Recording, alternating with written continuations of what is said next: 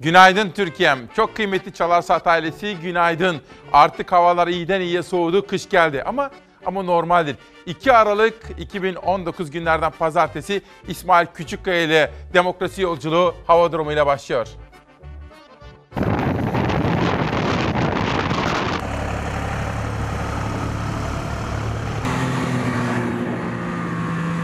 Doğuda kar yağışı hız kazandı, kar yollarda geçit vermemeye başladı. Doğu Karadeniz yükseklerinde kar yolları kapattı. Sivas'ta ise kar küreme aracıyla yolcu otobüsü çarpıştı, bir kişi öldü.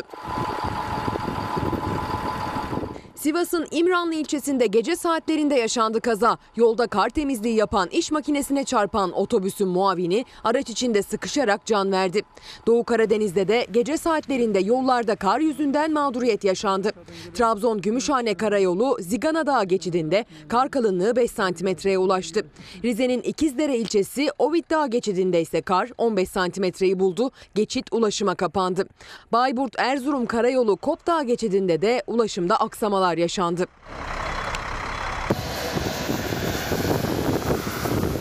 Erciyes Dağı'nda ise 6 kişi tipide mahsur kaldı. Kayseri merkezde gün boyu yağmur yağdı. Ancak Erciyes'te ve gece saatlerinde yükseklerde yağışlar kara dönmeye başladı. Erciyes'te çıkan tipi nedeniyle görüş mesafesi 1 metreye kadar düştü. Yoğun tipi de Erciyes Kayak Merkezi'ne çıkmaya çalışan 6 kişi mahsur kaldıkları araçlarıyla birlikte karayolları ekipleri tarafından kurtarıldı.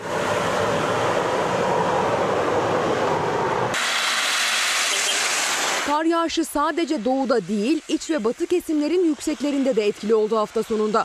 Afyon, Karahisar, Uşak ve Kütahya'nın yüksekleri hafif de olsa kar siftahını yaptı.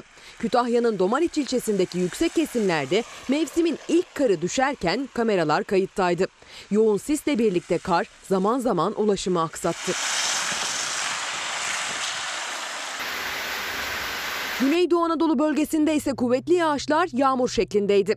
Adıyaman'da birkaç gündür devam eden yağmur dolayısıyla henüz 4 aylık evli olan çiftin evini lağım suları bastı. Her şey mahvol, mahvolmuş. Hiçbir yerde bir sağlam bir şey kalmamış. Yeni evli Temir çiftinin evlerindeki eşyaların kullanılacak tarafı kalmadı. Eğer tedbir almazsak bu sabah İsmail Küçükkaya ile Çalarsat ailesi işte bunu söylüyor. Antalyalı olan yönetmenim Serdar Erdoğan'dan habersiz Antalya'ya gittim. Hiç şüphesiz ki Antalya dünyanın en güzel yeridir diyen Gazi Mustafa Kemal Atatürk'ü saygıyla andık. Kendisi de Antalyalı olan Ali Kemaloğlu abimle birlikte gittik. Size Antalya'dan bolca selamlar, haberler getirdim efendim. Ve peki hafta sonunda maçlar. Bugün Beşiktaşlar, mesela bizim sesçimiz Turgay da öyle heyecan içerisinde akşamki Kayseri maçını bekliyor. Çünkü Göztepe ile Fenerbahçe çok tartışmalı pozisyonların da olduğu maçta puanları paylaştılar. Birer puan aldılar. Dün akşam Trabzon'la Galatasaray en azından bir devresi nefesleri kesen maçta karşı karşıya geldiler. Trabzonspor bu senenin iyi futbol oynayan takımlarından bir tanesi. Kendi coşkulu taraftarının önünde Galatasaray'ı ağırladı.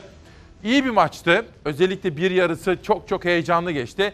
Trabzonspor golü de atmasını bildi. Fakat tam kaçacaklardı ki Fatih Terim'in oyuncuları son dakikada, dakika 90'da bir puanı kurtardılar. Maç geneline de baktığın anda iki takım açısından da dengeli durmaya çalışan ve gol atıp golden sonra aksiyon yapmaya çalışan bir anlayış vardı. Yenseydik çok daha iyi olurdu ama 2-2 puan kaybettik sonuç itibariyle. Dev derbide mücadele nefes kesti Trabzonspor ve Galatasaray birbirine diş geçiremedi. İki takım sağdan birer puanla ayrıldı. Süper Lig'in 13. hafta maçında Trabzonspor evinde Galatasaray'ı ağırladı. Maçın ilk yarısı golsüz sona erdi. İkinci yarı ise iki takım da karşılıklı çok sayıda gol pozisyonu buldu. Bordo Mavili ekip 50. dakikada Sörlot'un golüyle öne geçti. Skora dengeyi getiren golü Sarı Kırmızılılar 90. dakikada Nagatomo ile buldu. O dakikada yediğimiz bir gol bizi üzdü. Golden sonra bir baş kaldırı, bir isyan, bir kabullenmeme duygusu. Bu eee, daha önce beklediğimiz veya bizim takımlarda görmesini istediğimiz şeydi. Şu ana kadar görememiştik. 90 dakika bittiğinde tabelada yazan skor 1-1'di. İki takım sağdan birer puanla ayrıldı. Maç sonunda konuşan iki takımın teknik direktörleri skordan olmasa da takımlarının mücadelesinden memnundu. Tabii ki böyle tecrübeli böyle kaliteli bir takıma karşı oynarken eğer girdiğiniz pozisyonlarda ikinciyi yapamazsanız oyun bitiş düdüğü çalıncaya kadar her an tehlike yaşarsınız ki biz maalesef talihsiz bir gol yedik. Bugün belki bunun adına kırılma noktası diyebiliriz. Sonuç itibariyle dediğim gibi e, reaksiyondan çok memnunum. Galatasaray'ın kabullenmemesinden memnunum. Trabzonspor bu sene formda iyi futbol oynuyor. Fatih Terim de dedi ki bu Galatasaray açısından bir kırılma maçı olsun istiyor. Eğer tedbir almazsak demişiz ve trend beslenme haline gelen gluten, glutensiz beslenme furyası yüzünden çölyak hastaları aç kalacak demiş. Sağlıkçılar atama istediklerini belirtiyor. Eğer tedbir almazsak diyor. Her sabah iyi bir masaldır.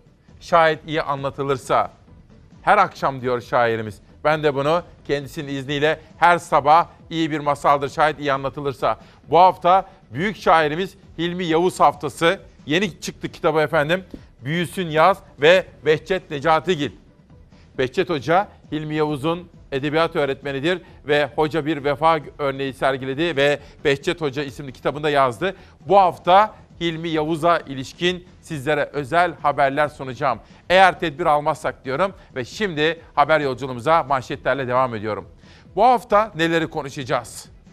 Bu hafta atanamayan sağlıkçılar, atanamayan öğretmenler gibi meseleleri konuşacağız. Asgari ücreti konuşacağız. Şu anda dükkanlar açan esnaf kardeşimden mesela optikçi, gözlükçülerden ve berberlerden sizlere haberler ve manşetler aktaracağım. Cumhuriyet'te başlıyorum. Atanamayan öğretmenlere Ankara müjdesi. Ankara Büyükşehir Belediye Başkanı Mansur Yavaş İpek Özbey'e konuştu. İpek Özbey bir süre önce Hürriyet Gazetesi'nden ayrıldı ve Cumhuriyet Gazetesi'nde göreve başladı. Mansur Yavaş, her yiğidin farklı bir yoğurt yiyişi vardır diyerek sadece hizmetle öne çıkmak istiyor.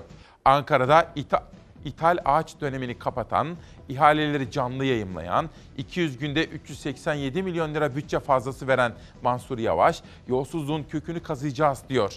Kutlu Düğün Mahallesi'ndeki binlerce öğrencinin atanamayan öğretmenlerden ders alacağı müjdesini veriyor. Şurayı bir daha tekrar edeceğim.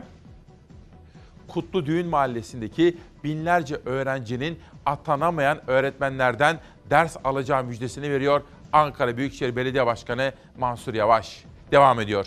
Anka Park'a harcanan 750 milyon dolarla başkentin altyapı sorunu ortadan kalkardı diyen Mansur Yavaş, bu parayla metro yapılırdı, yüzlerce okul, yüzlerce hastane yapılırdı diye isyan ediyor. Yatırımlar için kredi alamayan Mansur Yavaş, Erdoğan'ın bu horona girdin, çöz, borç yiğidin kamçısıdır sataşmasına Ankara halkını mı cezalandırıyorlar yanıtını veriyor. Bugün Cumhuriyet'in birinci sayfasındaki manşette. Bugün çılgın proje mi yoksa gerekli mi? İşte o projeyi de sizlerle detaylı olarak konuşma imkanı bulacağım. Cumhuriyeti geri dönmek üzere şimdilik bir parantez açıyor ve sonraki gazetemiz Hürriyet'e geçiyorum. Hürriyet'te son dönemin en önemli diplomatik gelişmelerinden Türkiye ile Libya arasındaki anlaşma var. Türkiye'den şahmat. Türkiye'nin Libya ile Akdeniz'de deniz yetki alanı belirleyen bir anlaşma yapması Atina'yı şaşkına çevirdi. Yunan medyası Türkiye'den Doğu Akdeniz'de şahmat başlıkları attı. Gerçekten de son derece kritik bir gelişme. Bunun haberini izleyelim. Üzerinde bir parça yorum yapmamız gerekiyor. Biz Libya'nın resmi yönetimiyle imzalarımızı attık.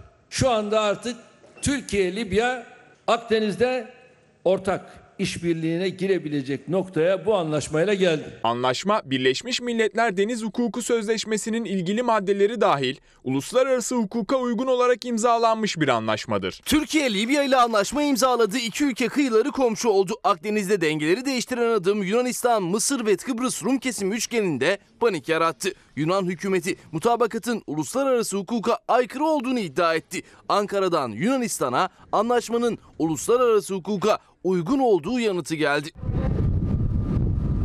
Doğu Akdeniz'de yaşanan sondaj geriliminde Türkiye çok önemli bir hamle yaptı. Ankara iç savaşın sürdüğü Libya'da Birleşmiş Milletler'in tanıdığı Trablus hükümetiyle deniz yetki alanlarının sınırlandırılmasına ilişkin mutabakat muhtırası imzaladı. Anlaşmayla Türkiye'den Marmaris-Kaş arasındaki hatla Libya'dan Derne Tobruk hattı arasındaki bölüm münhasır ekonomik bölge ilan edildi. İki ülkenin Akdeniz kıyıları komşu hale getirildi.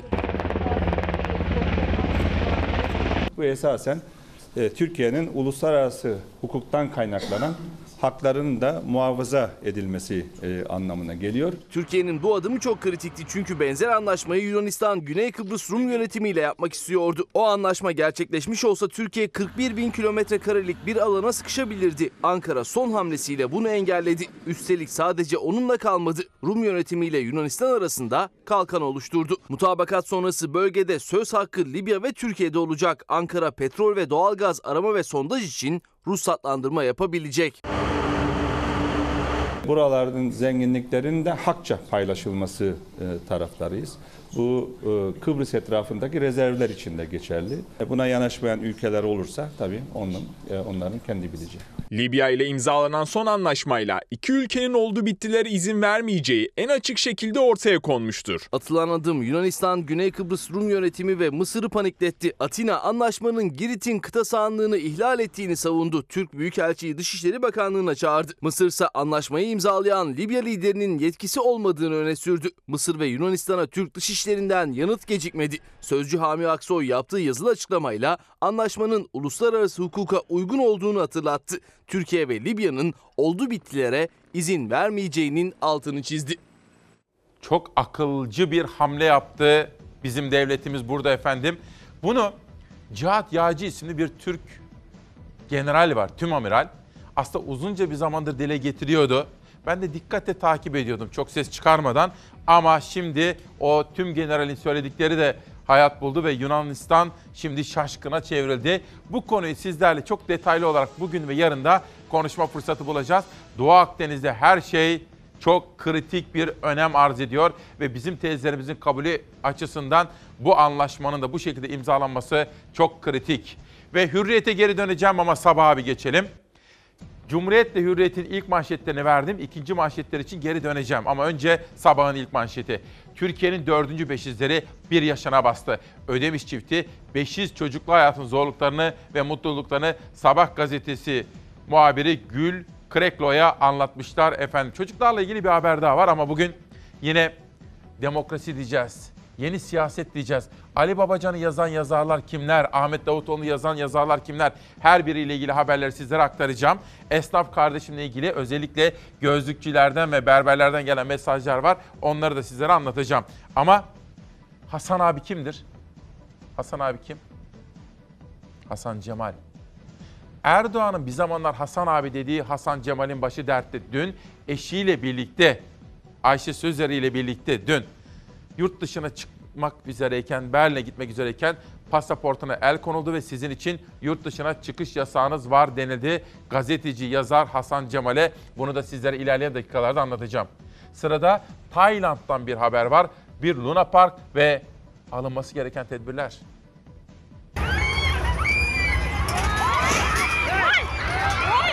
Luna Park'taki salıncağın emniyet kilidi açıldı. Heyecan dolu anları yaşayan 5 kişi yere çakıldı. Tayland'da eğlenmek isteyen çocuklar ve gençler Luna Park'ta salıncağa bindi. Kısa sürede salıncak hızlandı. Tam bu sırada salıncağın sağ tarafında oturanların emniyet kemerleri bir anda açıldı. 4 kişi platforma, bir çocuk bariyerleri aşarak yere düştü. Kazayla birlikte Luna Park çalışanı salıncağı hemen durdurdu. Kaza sırasında yere düşenler ve aileleri büyük korku yaşadı. Şans eseri kazada ölen olmadı. Ve şu anda hastalarımıza da geçmiş olsun dileklerimi anlatmak isterim. Şu anda hastane odalarında güne bizimle, haftaya bizimle birlikte başlayan çok kıymetli Çalar Saat ailesi. Bugün çok farklı yazarlardan alıntılar yapacağım. Bugün hem Çiğdem Toker hem de Deniz Zeyrek çılgın proje konusundaki kaygılarını ifade etmişler Sözcü gazetesinde. Abdülkadir Selvi ise yabancıların Ekrem İmamoğlu ve Ali Babacan merakı. Hürriyet gazetesinin yazarı Abdülkadir Selvi diyor ki çok sayıda yabancı, elçilikler vesaire acaba Ekrem İmamoğlu ne yapar, Ali Babacan ne yapar şeklindeki soruları ifade ediyorlar. Bugün de ilerleyen dakikalarda sürpriz yaz- yazarlardan alıntılar yapacağım ve Türkiye'de siyaset yenileniyor, yenilenecek. Bir taraftan Ekrem İmamoğlu ve yeni belediye başkanları. Bir taraftan Ali Babacan ve yeni yeni siyasetteki aktörler. Bir taraftan cezaevinde olsa da Selahattin Demirtaş ve onun temsil ettiği yeni bir akım. Böyle yazılar var ilerleyen dakikalarda. Sizlere çok detaylı olarak bunlarla ilgili haberleri sunacağım. Cumhuriyet, Hürriyet, Sabah birinci manşetler tamam. ikinci manşetler için her üç gazeteye geri döneceğim. Lakin şimdi Sözcü'nün ilk manşetine geçelim. Yolsuzluğu anlattı. Kol kırılır, yen içinde kalır demedi, yolsuzluğu anlattı. İstanbul Üsküdar Belediyesi'nde müdürlük yapan Veysel Kömürcü işten atılınca belediyede dönen yolsuzluklarla ilgili çok önemli ihbarda bulundu.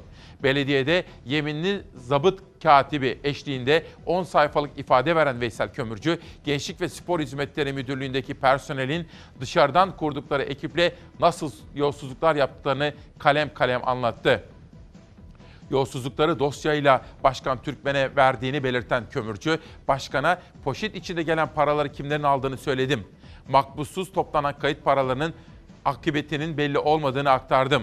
Başkan Hilmi Türkmen'in babamızın oğlu olsa affetmeyiz demesine rağmen sonuç çıkmadığını da açıklayan kömürcü, anlattıklarım iddia değil, belgeli yolsuzluktur ifadem, ihbarımdır dedi şeklindeki sözleriyle Sözcü'nün birinci sayfasında yer alıyor. Bu arada çocuklarımız uyandı. Hafta sonunda da tanışmıştım. Deha, Çahan, Çahan kardeşim, Murat kardeşim, Yiğit kardeşim. Günaydın güzel çocuklarımız. Sizlere zihin açıklığı diliyorum. Ve buradan da haber yolculuğumuza devam ediyorum. Cuma günüydü. Hani terörün ve şiddetin her türlüsünü lanetliyoruz, kınıyoruz ya. İngiltere'de de bir terör eylemi olmuştu. Detayları için şimdi hep beraber dikkatle haberimizi izliyoruz.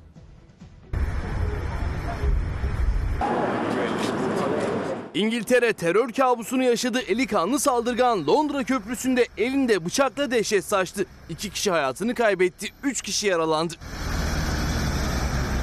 Cuma günü İngiltere'nin başkenti Londra'da yaşandı terör saldırısı. Terör suçundan 16 yıl hüküm giyen ancak erken tahliye edilen terör hükümlüsü Usman Kağan elinde bıçakla Londra Köprüsü'nde önüne gelenlere saldırdı. 5 kişiyi yaraladı. Saldırgan polis tarafından vurularak öldürüldü. Kurbanlardan ikisi kaldırıldıkları hastanede hayatını kaybetti. İkisi de çok gençti. Terör onları hayattan kopardı. İngiltere Başbakanı Boris Johnson ülkede 74 terör hükümlüsünün infaz yasaları gereği şartlı olarak erken tahliye edildiğini açıklamıştı. Onlarla ilgili incelemelerin yapılacağını söyledi. And uh, you know, Açıklamadan hemen sonra daha önce terör suçundan mahkum edildiği halde şartlı salı verilen bir kişi yeniden gözaltına alındı. Londra'daki terör eylemi ve yansımalarını da konuşuyoruz. Biraz sonra yerel gazetelerle dünyadaki gelişmeleri de konuşma imkanı bulacağım. Antalya'da hem tarım fuarı vardı hem de Antalya Büyükşehir Belediyesi'nin düzenlemiş olduğu piyano festivali vardı. Oralardan haberleri de sizlere aktaracağım. Bu arada Salihli'den, Konya'dan gelen tarımla, köy üretimle ilgilenen köylü kardeşlerimiz, büyüklerimizle de selamlaştık. Sizlere de bolca selamlar getirdim Salihli'den ve Konya'dan. Sözcüye de geri döneceğim fakat pencereye geçelim. Yavuz Ohan ve arkadaşlarının çıkarttıkları gazete pencere. Bu da Soylu hukuku. Süleyman Soylu mahkemelerden beraat alan KHK'ların görevlerine neden dönemediği sorulunca elbette güvenmeyeceğim. Herkes devletin içine girmek zorunda mı diye yanıtladı. Her şeye Anayasa Mahkemesi'nin gözüyle bakıyor değilim dedi. Soylu'nun sözlerine hukukçulardan tepki var. Profesör Doktor Osman Can hukuku ayaklar altına alınca 15 Temmuzlar bitmez zaten dedi. Turgut Kazan'a göre ise bu sözler Türkiye'yi bir hukuk devleti olarak tanımıyoruz anlamına gelir. Öyle değil mi efendim? Adalete güvenmemiz gerekmez mi? Hukukun dediği önemli değil midir? Hukukun üstünlüğü yok mu bu ülkede diye bir soruyu ortaya bırakalım ve sürmanşete geçelim. Bugün hani İstanbul'un su sorunu var mıydı? Seçimlerden önce mevcut iktidara soracak olursak yoktu. Ta 20-30 yıl sonrasına hatta 40-50 yıl sonrasına kadar bile İstanbul'un su sorunu yoktu. Ama seçim bitti. İstanbul'da onların istediği aday değil de İmamoğlu kazanınca İstanbul'un su sorunu meğerse bitmemişmiş. Okuyalım bakalım pencereden. Melen nerede? İnek içti.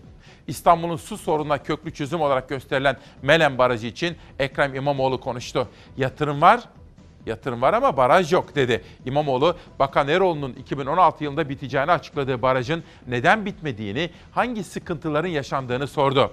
Uzmanlar Melen Barajı'nın bitirilememesini, yer seçiminin yanlışlığına ve buna bağlı olarak meydana gelen gövdedeki çatlaklara bağlıyor.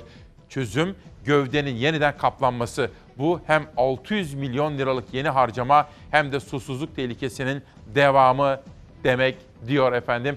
Bugün Pencere gazetesi. Bizi yöneten iktidarlardan hangi partiye mensup olurlarsa olsunlar her bir vatandaşa eşit hizmet götürmekle yük- yükümlü olduklarını hatırlatmamız gerekiyor. İsmail Küçükkaya ile Çalarsaat ailesi her türlü ayrımcılığı ve politik yaklaşımı reddediyor efendim. Yani her türlü ayrımcılığı kınamamız gerekiyor. Kime oy verirse versin vatandaşlar devletten eşit hizmeti alması gerekirler. Antalya'ya gidiyoruz. Ömür boyu sürecek dudaklarımdan yıllarca düşmeyecek. Şimdi sizler hep beraber bir şarkısın sen ömür boyu sürecek dudaklarımdan.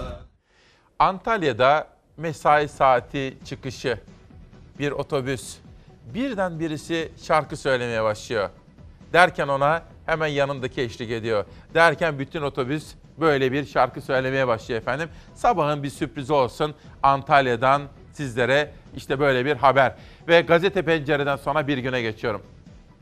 Milli Protokol Bakanlığı kamu yararı kılıfıyla Deniz Feneri, Ensar ve TÜGVA ile birçok anlaşma imzalandı. Milli Eğitim Bakanı Ziya Selçuk, vakıflarla imzalanan protokollerin sayısını açıklamaktan kaçındı. Protokoller kamu yararı gözetilerek yapılıyor dedi. Selçuk'un kamu yararı bulduğu vakıflar arasında Ensar ve TÜGVA'da yer aldı diyor Mustafa Mert Bildirici'nin manşetinde. Bugün her sabah olduğu gibi üreten Türkiye'den, üreticiden bahsetmek istiyorum. Mesela turp üreticisinden bahsetmek istiyorum.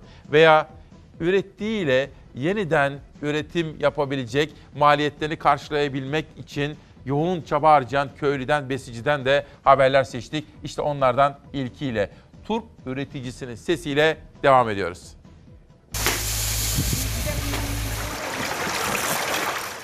Karaciğeri ve mideyi temizlemeye yardım ediyor, faydaları saymakla bitmiyor. Besin değeri yüksek sebzelerden turpta hasat zamanı başladı. Türkiye'de turp üretiminin %70'i gerçekleşiyor Osmaniye'de. Hasat başladı. İşçiler tarlada tek tek elle topladıkları turpları römorklara yüklüyor. Savrun çayı üzerindeki havuzlarda yıkanan turplar poşetlere konarak satışa hazırlanıyor. Kadirli Ziraat Odası Başkanı Hanifi İspir, hava sıcaklıklarını mevsim normallerinin üzerinde seyretmesiyle üreticilerin sıkıntı yaşadığına değindi. İnşallah yağışlar başlar. İnşallah hava şartları düzelirse çiftçimiz de bir ekmek yer. Osmaniye Kadirli'de ortalama 2 ton üretim gerçekleşti. Turp hasatı 5000 kişiye de ekmek kapısı oldu. Kuraklığın yerini yağışlara bırakması üreticinin yüzünü güldürdü. Antalya'da tarım fuarı vardı. Orada başta Salihlili olmak üzere çok sayıda üretici dostumuzla, büyüğümüzle, kardeşimizle selamlaştım. Sizlere selamlar var. Ayrıca Esin Çeremet halamızı gördüm. Loren Bey, Loren soyadı neydi yazmıştım. Loren Ferron Bey bizimle birlikte, kıymetli ailesiyle birlikte Antalya'da buradan sevgiyle selamlıyorum. Bir günden bir haber daha sonra Aydın'a geçeceğim. Aydınlık'ta da bugün üreticiye dair bir haber var. Önemli. Pamuk üreticisi sizinle ilgili. Plansız kapatmanın bedeli 4 milyar lira. Hüseyin Şimşek'in Bir Gün Gazetesi'ndeki manşeti bu. Ulaştırma ve Altyapı Bakanı Cahit Turhan, kapatılan Atatürk Havalimanı için Devlet Hava Meydanları İşletmesi bütçesinden 3 milyar 905 milyon lira ödenek ayrılması konusunda ısrarcı. TAV'a ait Atatürk Havalimanı 6 Nisan'da plansızca kapatıldı. Ardından TAV kar kaybına uğradı. Şimdi de bir devlet kurumu olan Devlet Hava Meydanları İşletmesi TAV'a yaklaşık 4 milyar lira ödeme yapacak. Ulaştırma ve Altyapı Bakanı Cahit Turhan, Atatürk Havalimanı ile ilgili sözleşme hükümlerinde bulunmamasına rağmen DHMİ'nin TAV'a kar kaybı ödemesi yapmak için çalışma başlatılmasını savundu. Ulaştırma Bakanı Turhan konuya dair soru önergesine verdiği yanıtta şu ifadeleri kullandı. TAV İstanbul Termik İşletmeciliği AŞ'nin aynı zamanda %44 hissesinin yabancı ortağa ait olması da dikkate alınarak yeni havalimanının hizmete girmesiyle çakışması halinde şirketin olası kar kaybının ödeneceği bildirilmiştir dedi. Efendim burada aslında biraz acele edildi İstanbul Havalimanı için. Biraz acele edildi. Hani şu tartışmalara girmiyorum bile. Yer seçimi doğru muydu, değil miydi? O tartışmaları bir tarafa bırakıyorum. Kuzey ormanlarında kesilen ağaçlar onları, kuş yolları onları bir tarafa bıraktım hadi diyelim. Ama acele edilince biz şimdi tava devletimizin bütçesinden paraları akıtmaya devam edeceğiz. Oysa biraz daha yavaş yapsaydık, zamanına yetiştirseydik, mesela tavı da en son gününe kadar kullansaydık fena mı olurdu? Devletin milletin parası hazinenin cebinde kalmaz mıydı diyor ve bir günden aydınlığa geçiyor. Aydınlıktaki pamuk haberini sizlere sunuyorum. Ağlaya ağlaya pamuk sattık. Bir dakika bu bir dursun bir habere geçelim. Irak, İran, Suriye, Orta Doğu'da yaşananlar bize şu gerçeği hatırlatıyor. Orta Doğu zorlu bir coğrafyadır ve bu coğrafyada huzur içerisinde, barış içerisinde yaşamamız gerekiyor. Vatanımızı, ortak vatanımızı gözümüz gibi bakarak eşit vatandaşlık temelinde korumamız gerekiyor. Yani demokrasiyi yaşatıp güçlendirmek zorundayız efendim. Bakalım İran'ın yaşadıkları, Irak'ın, Suriye'nin yaşadıklarından ders alalım. Hükümet karşıtı gösterilerde 3. aya girildi. Güvenlik güçleri ve protestocular arasındaki çatışma şiddetini artırdı. Irak'ta yaşanan olaylarda ölü sayısı her geçen gün artıyor.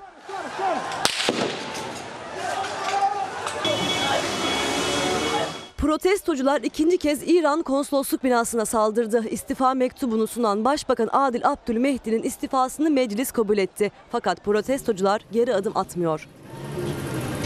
Irak'ta 1 Ekim'den bu yana işsizlik, yolsuzluk ve yoksulluk protestoları düzenlendi. Güvenlik güçlerinin eylemcilere müdahalesi sert olunca sokaklarda gerilim tırmandı. Hayatını kaybedenlerin sayısı bugün 400'e ulaşmış durumda. Irak'ın güneyinde bulunan Necef'te protestocular ikinci kez İran konsolosluk binasını ateşe verdi. Güvenlik güçlerinin müdahalesi bu kez çok daha sert oldu. Polis göstericilerin üzerine ateş açtı. İki günde ölü sayısı 50'yi buldu.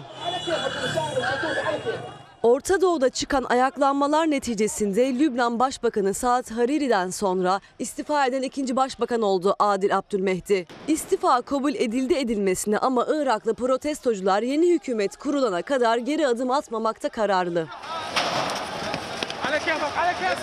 Siyasi partilerin üzerindeki baskı giderek artıyor. Çünkü Irak'ta yasalara göre Cumhurbaşkanı başbakan seçilmesi için meclisi 15 gün süre tanır.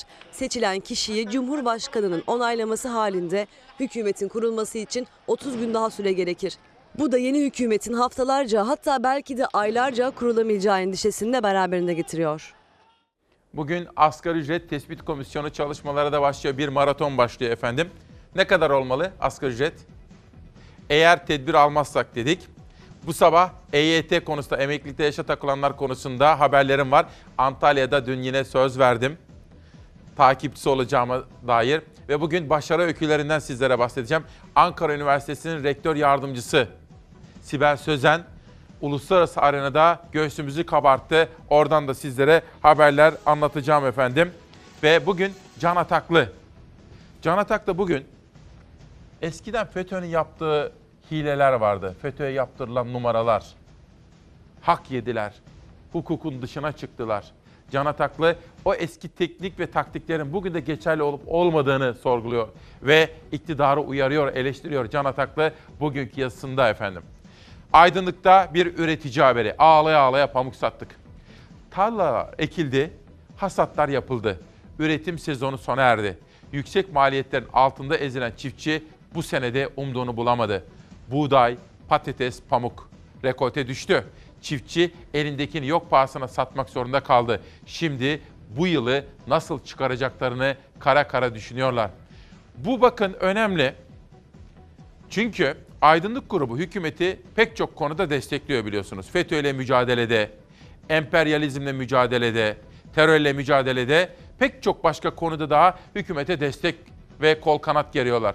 Ama aydınlık grubu ağlaya ağlaya pamuk sattık derken yalnızca pamuk değil buğdaydan başlayarak pek çok ürünle ilgili bugün eleştirel bir yaklaşım sergilemişler. Üreticinin sesini duymaya ve duyurmaya gayret etmişler. Bir süre önce bir tanıdığım bir sanatçı bana ulaştı. Dedi ki bir taksici dedi yana yakıla seni arıyor. Hayır olsun dedim. Bir derdi var. Duyurmak istiyor. Beni İsmail Küçükkaya duysa o duyururdu demiş. İnanılır gibi değil. Hani temiz kalplisin derler ya. Taksici temiz kalpliymiş. Biz Cuma günü e, buradan çıktık eve doğru gidiyoruz arabayla. Birden bir taksi dikkatimizi çekti. Aklıma geldi. Bana o sanatçının ulaşmaya çalıştığı, sesini duyurmaya, dikkatimi çekmeye çalıştığı taksiciydi o. Nereden anladın mı? Haberden izleyeceksiniz. Videoya çektim. Salih Bey, siz bana ulaşmak istiyordunuz ne zamandır?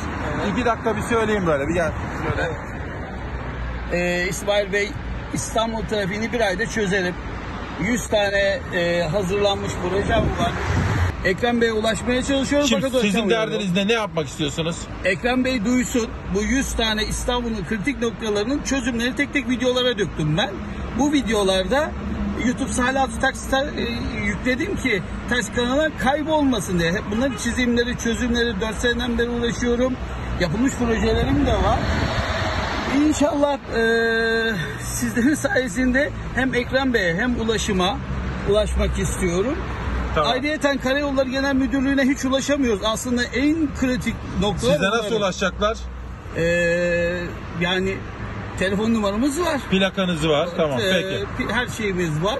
Ee, ünlü olmak değil Tamam. amacımız yalnızca projelerin yapılması. Teşekkür ediyorum, sağ olun. Ben teşekkür ediyorum. Trafikte gördük, işaret ettik, sağa çektik. Güvenli ve sakin bir yere orada sesini duyurmaya gayret ettim.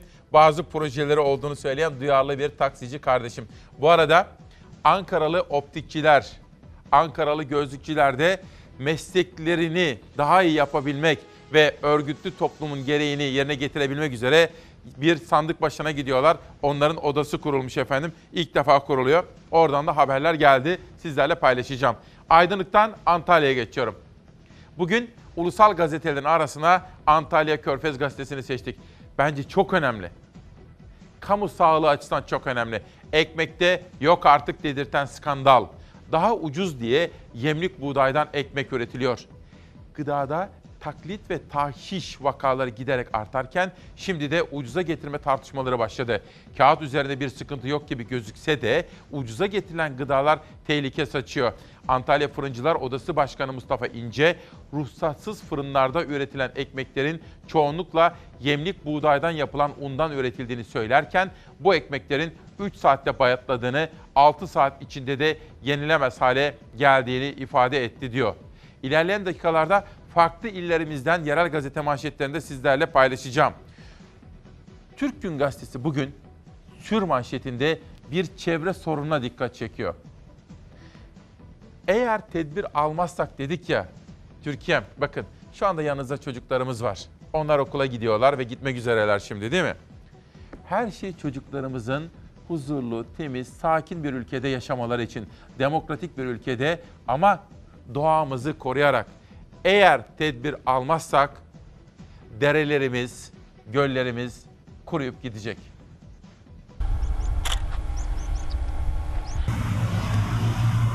Eğirdir Gölü'nden sonra Beyşehir Gölü'nden de kötü haber geldi. Birbirini besleyen iki göl de kuruyor. Isparta'daki Eğirdir Gölü'nün kuruduğu haberi geçtiğimiz hafta gündeme gelmiş, endişelendirmişti. Eğirdir Gölü kuruyor haberlerini Beyşehir Gölü'nün de kuruduğu haberleri takip etti. Uzmanlar iki gölün birbirine tabandan bağlı olduğunu açıkladı. Beyşehir Gölü'nden son 20 yılda toplam 112 kilometre kare göl alanı kaybedildi. Dile kolay 112 metrekare suyla kaplı göl arazisi artık kuru toprağa dönüştü. Türkiye Tabiatını Koruma Derneği'nden uzmanlar araştırdı. Eğirdir Gölü'nün son 10 yılda toplam 84 kilometre kare göl alanını kaybettiğini ortaya koydular.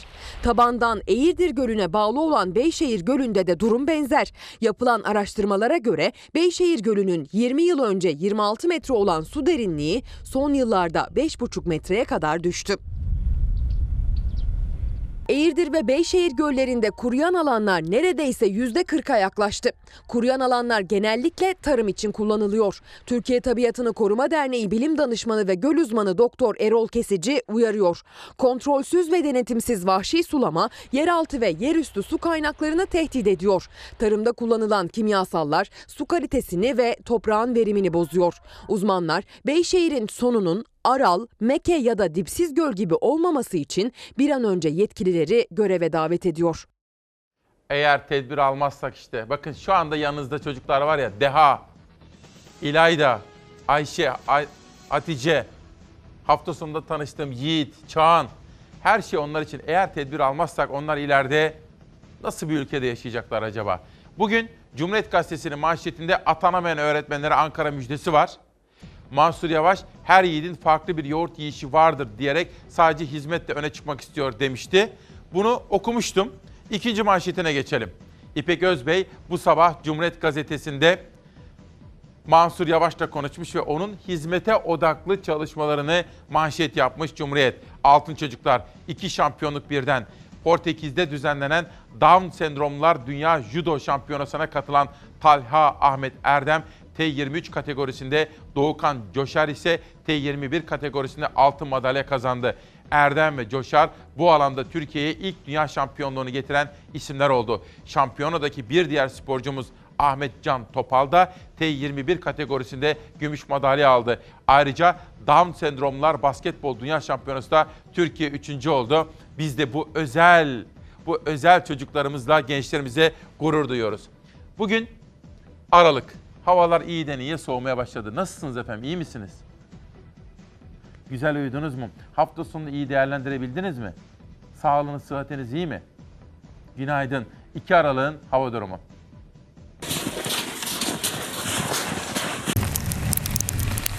Yurdun doğusu yeni haftaya yoğun kar yağışıyla başlıyor bugün. Pazartesi gün içinde yağışlar hafifleyecek. Hemen hemen tüm yurtta güneş görülecek. Ancak güneşli gökyüzü aldatmasın. Hava geçen haftaya göre çok daha soğuk bu hafta. Yeni hafta yurtta genellikle parçalı ve çok bulutlu bir gökyüzüyle başlıyor. Batı ve iç kesimlerde bugün güneş görülüyor ancak doğuda öğle saatlerine kadar yağışlı havanın etkisi devam edecek. Sabah erken saatlerde Güneydoğu Anadolu'da sağanak yağmur görülebilir. Doğu Anadolu'nun yükseklerinde ise şiddetli kar yağışı bekleniyor. Dikkat edilmeli. Öğleden sonra doğuda yağış etkisini yitirecek.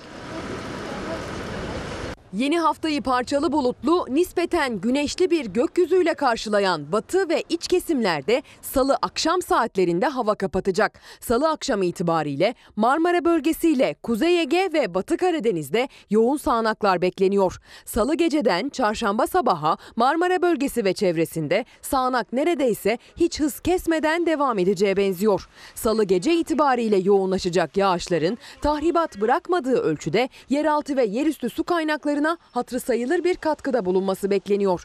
Marmara'dan giriş yapan yağışlar çarşamba gün içinde tüm yurdu hafif geçişler şeklinde etkisi altına alacak. Kurak ve normalin ötesinde sıcak geçen Kasım ayından sonra Aralık ayının ilk haftası yağışlar yüz güldüreceğe benziyor. Sıcaklıklarsa Aralık ayının ilk haftasında olması gerektiği gibi. Yağış geçişleri arasında kendini gösteren güneşe aldanmamalı. Soğuk havaya karşı tedbirli olunmalı. Konya'dan sevenlerimiz diyorlar ki Çalarsat ailesi gelin de kurumakta olan gölü yerinde izleyin diyorlar. Bu arada efendim İstanbul Büyükşehir Belediyesi'nin basın danışmanı ve aynı zamanda sözcüsü gazeteci Murat Ongun da diyor ki biraz evvel videosunu yayınladığımız taksiciyle görüşeceklerini belirtiyor efendim. Gösterdiği hassasiyet için, duyarlılık için Murat Ongun kardeşime de teşekkür ediyorum. Ben gerekli telefon numaralarını da kendisine aktaracağım. Hürriyet'in ikinci manşetine sıra geldi ve Cumhurbaşkanı Erdoğan Londra'ya gidecek. Önemli bir zirve. Orada dünya liderleriyle bir araya gelecek. Erdoğan peki neler konuşulacak? Özellikle NATO zirvesinde çok kritik konular gündeme gelecek. Cumhurbaşkanı Erdoğan yarın başlayacak NATO zirvesinde sen kendi beyin ölümünü kontrol ettir diye tepki gösterdiği Fransa Cumhurbaşkanı Macron ile bir araya gelecek. Zafer Söken bu konudaki en son gelişmeleri de haberleştirdi. Sizlere Londra ziyaretinin ve NATO zirvesinin ana gündem başlıklarını aktarma imkanı bulacağım bu sabah. Bir de Kemal Kılıçdaroğlu'na ilişkin bir haber var. Ahmet Hakan'ın yönettiği Hürriyet Gazetesi birinci sayfada işte şöyle bir haber kullanmış. Ortak akılla bir anayasa hazırlanmalı. CHP lideri Kılıçdaroğlu ekonomide yeni arayışlar konulu toplantıda konuştu ve güçler ayrılığı, yargı bağımsızlığı, düşünce özgürlüğü olan bir demokrasiye ihtiyacımız var. Herkesin bu benim anayasam dediği bir yeni anayasa olmalı. Belki de tarihimizde ilk defa herkesin düşüncelerini alacağımız bir anayasaya ihtiyaç var diyor efendim. Sizce de var mı? Bence var. Gerçekten tam demokratik. Hepimizin anayasal haklarını gerçekten teminat altına alan, hukukun üstünlüğünü gerçekten teminat altına alan, eşit vatandaşlık temelinde yeni özgürlükçü bir anayasaya bence bir ihtiyaç var. Hava durumunun detaylarıyla Ezgi Gözeger hazırladığı bir dosya haberimize devam ediyoruz.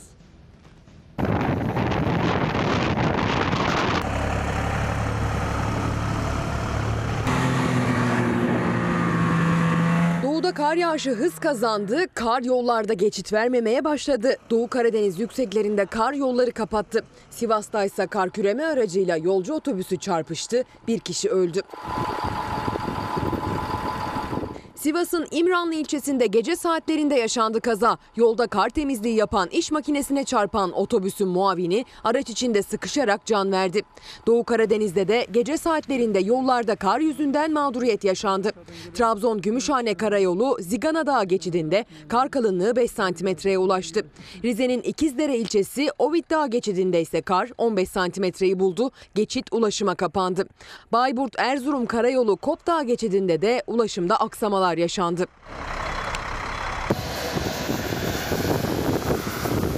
Erciyes Dağı'nda ise 6 kişi tipide mahsur kaldı. Kayseri merkezde gün boyu yağmur yağdı. Ancak Erciyes'te ve gece saatlerinde yükseklerde yağışlar kara dönmeye başladı. Erciyes'te çıkan tipi nedeniyle görüş mesafesi 1 metreye kadar düştü. Yoğun tipi de Erciyes Kayak Merkezi'ne çıkmaya çalışan 6 kişi mahsur kaldıkları araçlarıyla birlikte karayolları ekipleri tarafından kurtarıldı.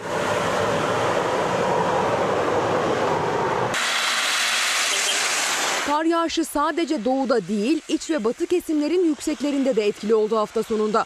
Afyon, Karahisar, Uşak ve Kütahya'nın yüksekleri hafif de olsa kar siftahını yaptı. Kütahya'nın Domaniç ilçesindeki yüksek kesimlerde mevsimin ilk karı düşerken kameralar kayıttaydı. Yoğun sisle birlikte kar zaman zaman ulaşımı aksattı. Güneydoğu Anadolu bölgesinde ise kuvvetli yağışlar yağmur şeklindeydi. Adıyaman'da birkaç gündür devam eden yağmur dolayısıyla henüz 4 aylık evli olan çiftin evini lağım suları bastı. Her şey mahvol, mahvolmuş. Hiçbir yerde bir sağlam bir şey kalmamış. Yeni evli Temir çiftinin evlerindeki eşyaların kullanılacak tarafı kalmadı. Ve sadece günün değil, sadece haftanın değil, belki de son ayların en çok üzerinde tartışma yapılan konusu. Tank palet. CHP lideri bu işin peşini bırakmıyor. Erdoğan da çok sinirleniyor CHP liderine ve 250 bin liralık yeni dava açıldığı haberlerini okumaktayız. Sırada o haber var çok önemli ama geçen hafta Aslı Aydın Taşbaş demişti ki siyaset sınıfı eskidi. Bir taraftan Ali Babacan, bir taraftan Ekrem İmamoğlu ve yeni belediye başkanları, bir taraftan cezaevinde olan Selahattin Demirtaş demişti. Yeni bir siyaset sınıfı geliyor demişti Aslı Aydın Taşbaş. Onun peşi sıra Ruşen Çakır'ın peş peşe yayınları, haberleri, paylaşımları oldu. O da Türkiye'de yeni bir siyasi akım, yenileşme bakışı olarak Yine o da Selahattin Demirtaş'tan bahsetti. Ekrem İmamoğlu ve yeni belediye başkanlarından bahsetti. Ve Ahmet Davutoğlu veya Ali Babacan. Bugün bakın yabancıların Ekrem İmamoğlu ve Ali Babacan merakı. Hürriyet gazetesi Abdülkadir Selvi diyor ki yabancı misyon şefleri sık sık kapısını çaldıkları kamuoyu araştırma şirketi yöneticilerine iki isme ilişkin sorular soruyorlardı. Ekrem İmamoğlu başarılı olur mu? Ali Babacan parti kursa şansı ne olur? Sabah gazetesinde eleştiren ama yine bu konuda kalem oynatan bir yazar Engin Ardıç. Ortalıkta bir İmamoğlu, Davutoğlu, Babacanoğlu fırtınası estiriliyor di- diyor. Bakın. Ve Mehmet Ocak'tan Karar Gazetesi'nde uzun bir yazı yazmış. Diyor ki Türkiye nasıl bir Ali Babacan istiyor? Türkiye nasıl bir Ali Babacan bekliyor? Mehmet Ocak'tan Karar'da. Akit Gazetesi'nde Ali Kara Hasanoğlu da Engin Ardıç gibi eleştirmiş ama diyor ki siz Erdoğan'sız ne yaptınız? Ali Babacan'a ve Ahmet Davutoğlu'na bugüne kadar neleri başarabildiniz Erdoğan'sız diye soruyor. Efendim Ali Babacan olsun, Ekrem İmamoğlu olsun, yeni belediye başkanları olsun, yeni siyaset sınıfı olsun çok fazla konuşulmaya, yazılıp çizilmeye başlandı. Bu da dikkatimizi çekiyor. Hürriyet'ten verdik sabaha geçelim. Sabahın birinci manşetini sunmuştum, ikinci manşetine sıra geldi. Gölgelerinden korkuyorlar.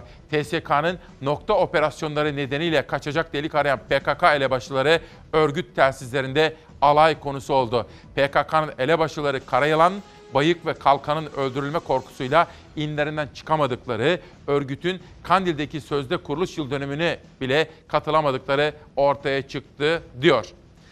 Sabahtan Sözcü'nün ikinci manşetine geçiyorum.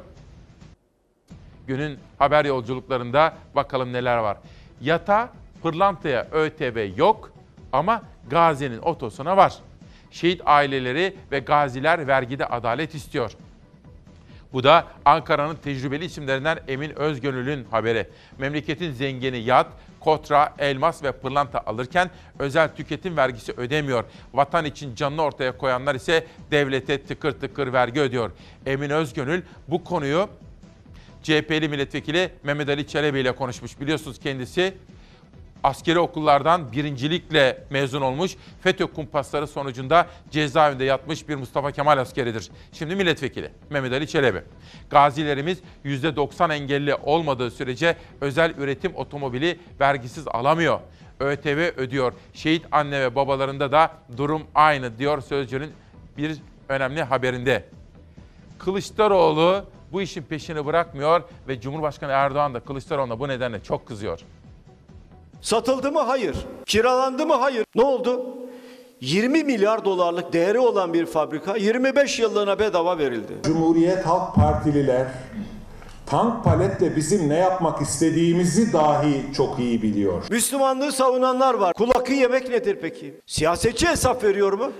Hesap vermeye gerek bile duymuyor. Siyasetin sıcak başlıklarından biri tank palet fabrikası. Kılıçdaroğlu sert eleştirilerine devam ederken tartışmaya fabrikanın bulunduğu Sakarya vekili AK Parti Genel Başkan Yardımcısı Ali İhsan Yavuz da katıldı. CHP'yi suçladı. Türkiye'ye bir şey yapılmasın, işler ters gitsin biz de bu iktidardan kurtulalım. Kendi silah fabrikasını yabancı bir orduya peşkeş çekenlere dünyanın her tarafında vatan hainidir. Herkes Tayyip Bey'in ne yaptığını çok iyi biliyor. Eminim ben Cumhuriyet Halk Partililer de çok iyi biliyor. Bu tank palet fabrikası satılmamıştır. 25 yıllığına Katar ve Türk sermayesinin ortaklığıyla kurulan BMC firmasına burası tahsis edilmiştir. Dini imanı para olanlar devletin silah fabrikasını yabancı orduya peşkeş çekerler. Keşke bu konuda da mahkemeye verse de hiç değilse derdimizi mahkemede anlasın. CHP lideriyle Cumhurbaşkanı arasındaki söz diyalosu yargıya da taşındı. Erdoğan Kılıçdaroğlu hakkında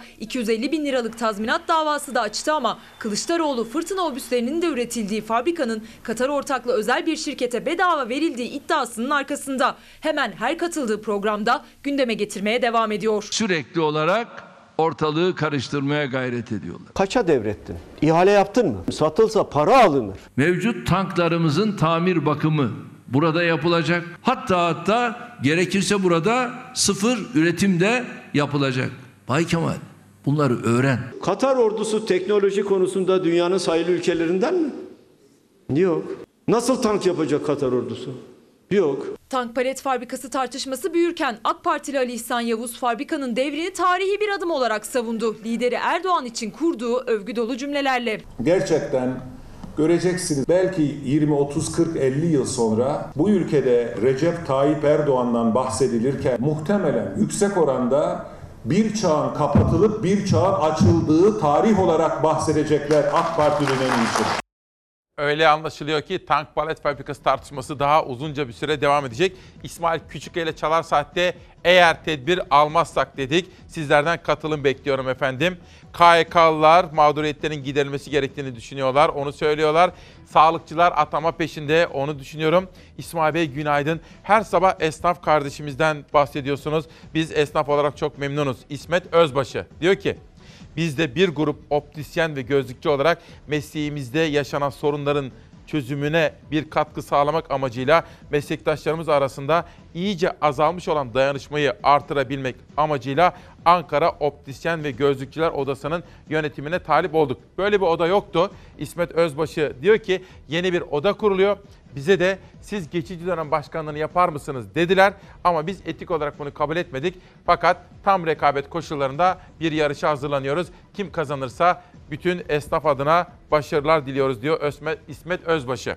Efendim bu hafta büyük şairimiz Hilmi Yavuz haftası olacak ve toplu şiirler kitabı yeni çıktı bu hafta. Büyüsün yaz. Ben de İsmail Küçüköy ile Çalar Saat ailesi olarak Hilmi Yavuz haftası yapacağım bu hafta. Sizlere kıymetli hocamızdan güzel alıntılar yapacağım. Bir günden bir haber daha gelsin. Halk balık çiftliklerine karşı tek ses. Bakın bu da çok önemli. Bu da dün çalışmamı yaparken Nihal Kemaloğlu'nun dikkatimi çok fazla çektiği önemli konulardan bir tanesi. Son derece kritik. Bugün Ezgi Gözeger 4 ayrı çevre haberi yaptı sizler için. Her bir bölümde çevreye karşı duyarlılığımızı göstereceğiz. Burası İzmir. İzmir'in Karaburun ilçesinde yaşayan yurttaşlar bölgeye konan su kafeslerinin doğal hayata zarar vereceğine dikkat çekerek eylem yaptı. Bölge sakinleri eylemde yeter artık Karaburun'da balık çiftliği istemiyoruz ve yaşam alanlarımızı savunuyoruz yazılı dövizler açtı. Eylemde konuşan Karaburun Kent Konseyi Genel Sekreteri Aykut Uçar şikayetlerine yanıt alamadıklarını ifade ediyor. Balıkçılığın sürdürülebilir olması için yavru balıkların besin kaynağı ve barınağı olan deniz çayırlarının tahribata uğramaması yaşamsal öneme sahip dedi. Antalya'ya gittiğimde hem tarım fuarı vardı hafta sonunda hem de Antalya Belediyesi'nin piyano festivalinin 20.si vardı. Orada bir genç kardeşim otelde çalışıyor, emekçi kardeşim bana geldi. Ben dedi Antalyalıyım. Siz dedi sıklıkla ifade ediyorsunuz ya mermer ocakları, taş ocakları. İşte o köylerden birinde yaşıyorum ve size dedi ne kadar teşekkür etsek azdır. Ben de dedim ki beni haberdar edin. O güzelim, o cennet Antalya'yı daha fazla tahrip etmelerine izin vermeyelim dedim o Antalyalı genç kardeşime efendim. Az evvel Cumhuriyet Gazetesi'nin birinci sayfasında sizlere bir haber okudum. Down sendromlu çocuklarımızın başarıları. Engel tanımıyoruz. Özel çocuklarımızın çok büyük işler başaracaklarını, potansiyellerini yerine getireceklerini biliyoruz. Yeter ki biz onlara bu imkanı sağlayalım.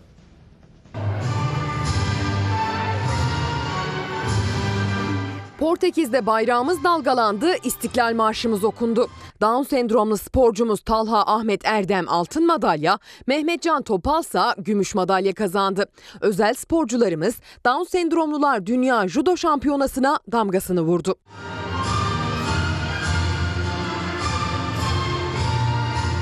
Portekiz'in Guimarães kentindeki Down sendromlular Dünya Judo Şampiyonası'nda T23 kategorisi erkekler 81 kiloda Talha Ahmet Erdem altın madalya kazanarak bu alanda Türkiye'ye ilk dünya şampiyonluğunu getirdi.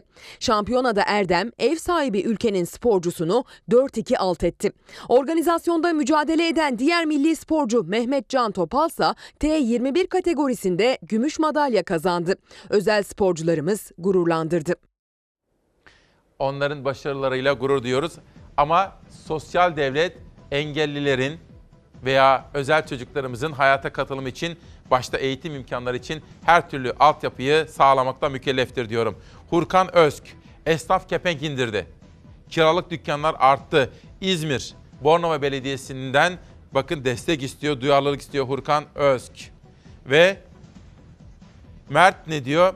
Sen böyle konuşuyorsun cesur cesur iyi güzel de bu iktidar değişince eline ne geçecek diyor. Devam edelim Twitter'a bakalım. Enes Pehlivan ve Necat Sezengöz bizimle birlikte. İsmail abi günaydın. Güzel yurdumun her köşesine esenlikler diliyorum. Eğer tedbir almazsak çocuklarımıza güzel bir gelecek bırakamayız diyor Enes Pehlivan. Kimdi o? Ha, Mert kardeşim. İnan güzel kardeşim. Hani diyor ya cesur cesur konuşuyorsun iktidar değişince eline ne geçecek? İktidar değişince benim elime bir şey geçmez. Ben yine ülkem için burada vazifemi yapmaya gayret ederim efendim. İktidarlarla bizim işimiz gücümüz olmaz. Ama biz ülkemizin aydınlık geleceğine inanıyoruz. Demokrasiye inanıyorsunuz değil mi çok sesliliğe? Bırakın da birileri ülkenin aydınlık geleceğine inançlarını sürdürsünler ve hakikati anlasınlar size. Hakikati. Mert kardeşim. Cumhuriyet'ten bir üçüncü manşet daha sunmak isterim. Anaokullarına dini eğitim sınıfı Ozan Çepni. Amaç Atatürk konu Arapça ve din. Milli Eğitim Bakanlığı'nın anaokullarında yasa ve yönetmeliklere uyması açısından Atatürk'ün adını kullanarak dini eğitim sınıfları açmaya başladığı ortaya çıktı. Okuma yazma bilmeyen çocuklara Diyanet İşleri Başkanlığı personeliyle haftada en az 6 saat Arapça ve din eğitimi verilecek diyor. Ozan Çepni'nin Cumhuriyet'teki ikinci haberi de işte böyle. Ekonomiye bakmak istiyorum bugün. Dün Maltepe Belediyesi'nin düzenlediği İstanbul, Ankara, Adana, daha pek çok belediye başkanı da katıldığı bir ekonomi şurası vardı. Ana muhalefet lideri Kılıçdaroğlu özellikle asgari ücret konusunda bakın hangi açıklama yaptı. Aylık geliri 673 liranın altında olan kişi sayısı 8 milyon 647 bin 283 kişi. 847 bin 643 kişi. Aylık geliri 1000 liranın altında. Bir süredir altını çizdiği o çarpıcı rakamları yine paylaştı CHP lideri. Türkiye'de 8 milyon kişinin aylık geliri 673 liranın altında dedi. Nereden buldunuz bu rakamı diye sorabilirsiniz. Devletin resmi kayıtlarında. Bunların sigorta primini kamu ödüyor.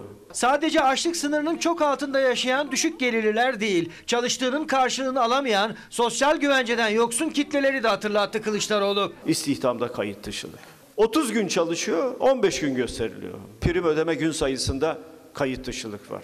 Yüksek ücret alıyor, resmi kayıtlarda asgari ücret. Kişinin geleceğini elinden alıyorsunuz. Sadece onun mu hayır ailesinin de? Kemal Kılıçdaroğlu İstanbul'da Maltepe Ekonomi Forumu'nda konuştu. Adaletten eğitime pek çok başlıkta iktidara yüklendi ama ana gündemi yine ekonomiydi.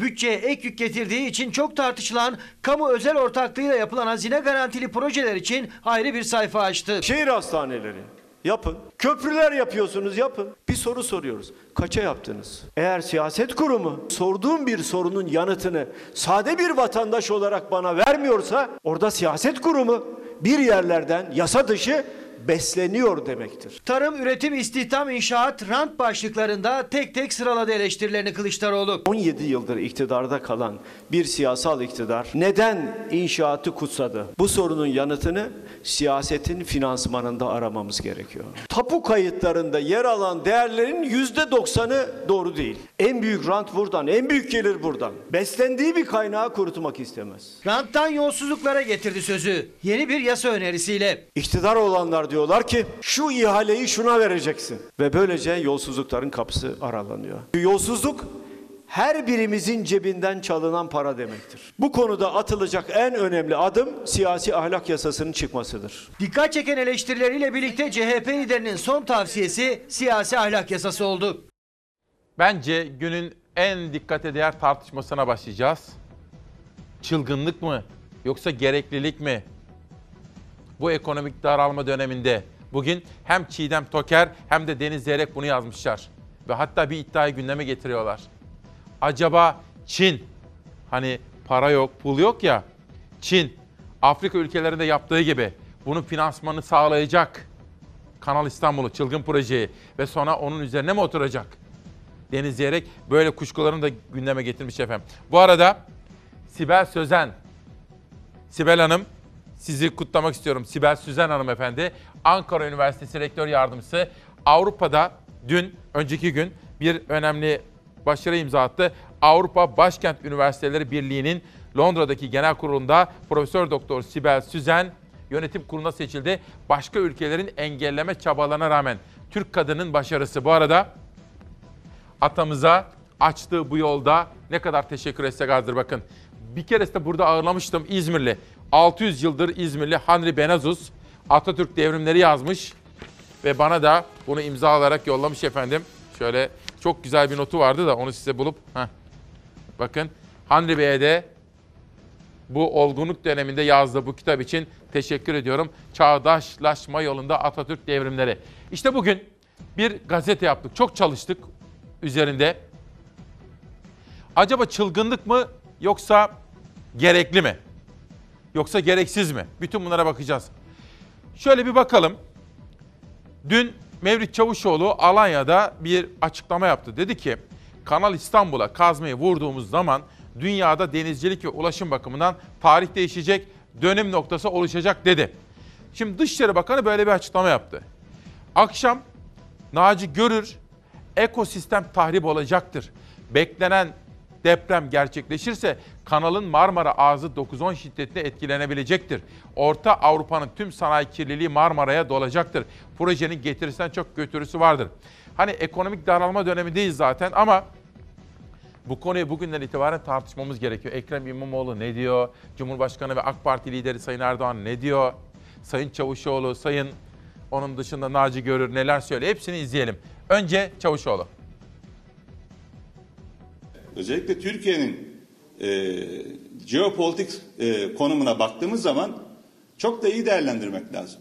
İşte dün TANAP e, projesinin açılışını Sayın Cumhurbaşkanımız birçok liderle yaptı. Nerede yaptı? Türkiye'nin batı sınırında yaptı.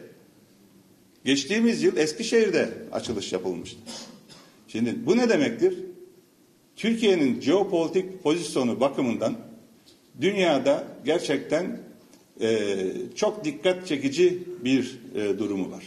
Bu coğrafyada bakıyoruz ulaş, ulaşım projelerinde Türkiye e, İpek yolu, tarihi İpek yolun canlandırılmasında en e, kritik ülke, hub, merkez. Ve geçtiğimiz günlerde işte Çin'den gelen tren tünelin altından geçti. Daha sonra üçüncü köprümüzde yine yapılacak raylı sistemle beraber oradan geçerek Londra ile Pekin'i hatta artık RoRo sistemi çok geliştiği için hatta Tokyo, Londra ile Tokyo'yu bağlayan bir ülke konumuna geçti. Bunları iyi değerlendirmemiz lazım. İşte Kanal İstanbul'a kazmaya vurduğumuz zaman dünyada gerçekten denizcilik ve ulaşım bakımından tarih değişecek. Dönüm noktası olacak. Coğrafya aynı zamanda fırsattır. Valla benim çok ciddi kaygılarım var onu size söyleyeyim. Çok ciddi. Biz böyle bakın yeni havalimanını da böyle yaptık. Uçağa bindiğiniz zaman görüyorsunuz. Uçak kalkana kadar 40 dakika takside. 40 dakika. Havada iniyorsun. Ondan sonra orada da bir 30-40 dakika. Kiminle acele ediyoruz biz her şeyi. Böyle biraz daha sakin sakin konuşarak, tartışarak böyle bir şey yok bizde. Birileri diyor ki bu doğru yapalım. Buraya yapalım. Tamam yapalım efendim. Hiç kimse bir şey demiyor. Diyemiyor artık çünkü yeni sistem böyle. İstişare mekanizma yok. Çavuşoğlu bunu söylüyor. Peki İstanbul'un yeni seçilmiş belediye başkanı. Efendim bakın. Gelişmiş herhangi bir ülkede merkezi yönetim mesela düşünün Fransa'da aklınıza gelebiliyor mu efendim? Şöyle bir şey olabilir mi? Mesela Fransa devlet başkanı diyecek ki ben Paris'e şöyle bir şey yapıyorum diyecek ve Paris belediye başkanı buna karşı çıkacak. Aklınız böyle bir şey alıyor mu efendim? Benim almıyor. Bir yandan bakanlıklar açıklama yapıyor, hazırlık yapıyoruz diye. Bu konu İstanbul'un gündemi değil. Bakın eee, İstanbul'un böyle bir önceliği olmadığı gibi bir trajik durum yaratacağı net. Bakırköy'ün önüne, Avcılar'ın önüne, Beylikdüzü'nün önüne ve Büyükçekmece'nin önüne adalar yapmak. Ya Fatih Bey, burası deprem kuşağı. Deprem kuşağına ada diyorsunuz. Dolguda neler olacağını biliyoruz. Ya bu ya olacak iş değil. Bırakın bütün bunları bırakın. Ya sizin İstanbul'umuz, İstanbul'umuz, e, bizim İstanbul'umuz dünya harikası bir yer. Çölde bir şehirden bahsetmiyoruz ki. Heyelan riskini mi anlatsam Kuzey Anadolu fay hattıyla olan ilişkisini yaratacağı travmadan mı bahsetsem oluşturduğu ada koşullarının güvensiz yani birçok insanın e, bana yolladığı not var bu konuda. Bütün e, güvenlik birliklerimiz Çorlu tarafına kaydırıldı. Yani siz burada bir ada oluşturuyorsunuz. Sadece köprülerle bağlantı kuruyorsunuz ve bir güvensiz bir ortam yaratıyorsunuz. Depremde yaratacağı e, erişimle ilgili sıkıntıları bir deprem profesörünün bana anlatışı var. Bir aslında felaket e, senaryosu gibi bir şey. Bu var ya hani bütün ihanetleri bir kenara koy onları yüzle çarp eşittir Kanal İstanbul. O kadar. Evet bence o kadar. Bir kere daha sormak istiyorum efendim. Günaydın. Uyandınız mı? İsmail Küçükkaya ile Çalar Saat ailesi. Siz mesela İngiltere'de başbakanın veya kraliçenin, kraliçe demez de sembolik ama hadi başbakanın biz Londra'ya şöyle şöyle büyük bir proje yapacağız dediğini. Londra Belediye Başkanı'nın bu Londra için uygun değildir dediğini tahayyül edebiliyor musunuz? Peki olabilir. Sonunda ne olur? Dünyanın hiçbir demokratik ülkesinde böyle bir durumda neler yaşanır neler yaşamaz. Hadi siz söyleyin en son ben de fikrimi sizlere aktaracağım. Ben susayım uzmanı konuşsun. Dün sosyal medyada paylaşımlarını gördüm aradım kendisini. Hocam ne demek istiyorsunuz diye anlattı notlar aldım. Bakın ben susayım uzmanı konuşsun. Profesör Doktor Naci Görür. Hoca dedi ki ben onu aradığımda bir dakika Serdar affedersin. Hoca dedi ki sevgili İsmail Bey dedi ben siyasetçi falan değilim. Partiler benim işim değil. Ama dedi ben bir bilim adamıyım. Dolayısıyla halkım için, ülkem için düşündük, düşündüklerimi bilimsel çerçevede anlatmak benim yükümlülüğüm dedi Naci Görür. İşte bakın kendisinin yaklaşımları. Değerli izleyicilerim, bugünlerde Kanal İstanbul projesi tekrar konuşulmaya başlandı. Ben bugün sizlere aydınlatmak için bu projeyi yer bilimleri ve deprem açısından kısaca değerlendireceğim. Bir, projenin amacı. Projenin ana amacı İstanbul Boğazı'nda gemilere geçiş kolaylığı sağlamak, kazaları önlemek ve gelir sağlamaktır. İki güzergah, Küçükçekmece Terkos Gölü arasındaki vadi boyunca kazılacaktır. Tek bir geminin geçebileceği genişlik. Bakın, Karadeniz'de Marmara'yı birleştirecekler. Tek bir geminin geçebileceği kadar bir alan yaratılacakmış. Devam. Küçükçekmece Terkos. Zemin yani jeolojik açıdan değerlendiriyor hoca. Kanal Küçükçekmece yöresinde Miyosen ve daha genç, görece daha sorunlu zemini kesecek ve kuzeye gittikçe Eosen, Oligosen yaşlı birimlerin içerisine girecektir. Buraları teknik, buraları anlamamış olabiliriz ama geliyor anlayacağımız şekilde yaklaşımlar. Bu zemin yer yer çok sert kireç taşları ile görece daha yumuşak kil taşı, silt taşı, kum taşı ve marnlardan oluşur. Kanalın Karadeniz'e girişi de çürük zeminden ibarettir. Bu kanal kazılırsa, bakın Karadeniz'e girişi çürük diyor. Bu kanal kazılırsa şu olumsuzlukların olması kaçınılmazdır. A. 1 1,5 milyar metreküp malzeme kazılacak bakın. 1,5 milyar metreküp malzeme çıkacakmış. Bu malzemenin kazılması yıllarca sürecek. Kazıda iş makineler ve patlayıcı kullanılacak. Dolayısıyla vadi ve çevresindeki ekosistem, fauna ve flora büyük ölçüde tahrip olacaktır. Bu boyuttaki bir malzemenin herhangi bir yere serilmesi mümkün değildir. Bakın çok haklı kaygılarını, tespitlerini paylaşıyor. Bir ihtimalle Marmara içerisinde adacıklar oluşturulacaktır. Marmara'nın içerisindeki aktif fay sistemi düşünülürse bu iş son derece riskli olacaktır. Kanalın kazılması esnasında zemin özelliklerine göre fazla kayma, heyelan ve göçmeler olacaktır. Deniz seviyesine kadar kazılınca kanal bir drenaj sistemi olarak çalışacak ve kanal çevresindeki yeraltı su rezervuarlarının tahrip edilecek ve yörede tuzlanmaya neden olacaktır. Kanal ile Boğaz arasındaki bölge bir ada haline gelecek. Ada Dolayısıyla tüm ulaşım sistemleri değişecek ve zorlaşacaktır. Özellikle kanalı üstten geçecek. Yapılar irtifa, zemin koşulları nedeniyle daha riskli ve maliyetli olacaktır. Bu adanın Trakya'dan ayrılması askeri açıdan da riskli olabilecektir. İstanbul deprem beklemektedir. Öyle değil mi efendim? İstanbul deprem bekliyor değil mi?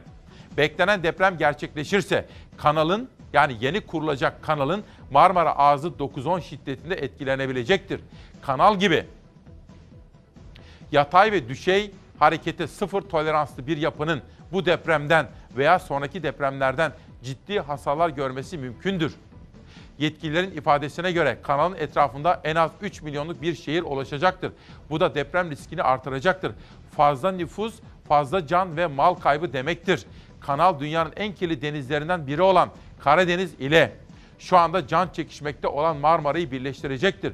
Orta Avrupa'nın tüm sanayi kirliliği bu vesileyle Marmara'ya dolacaktır.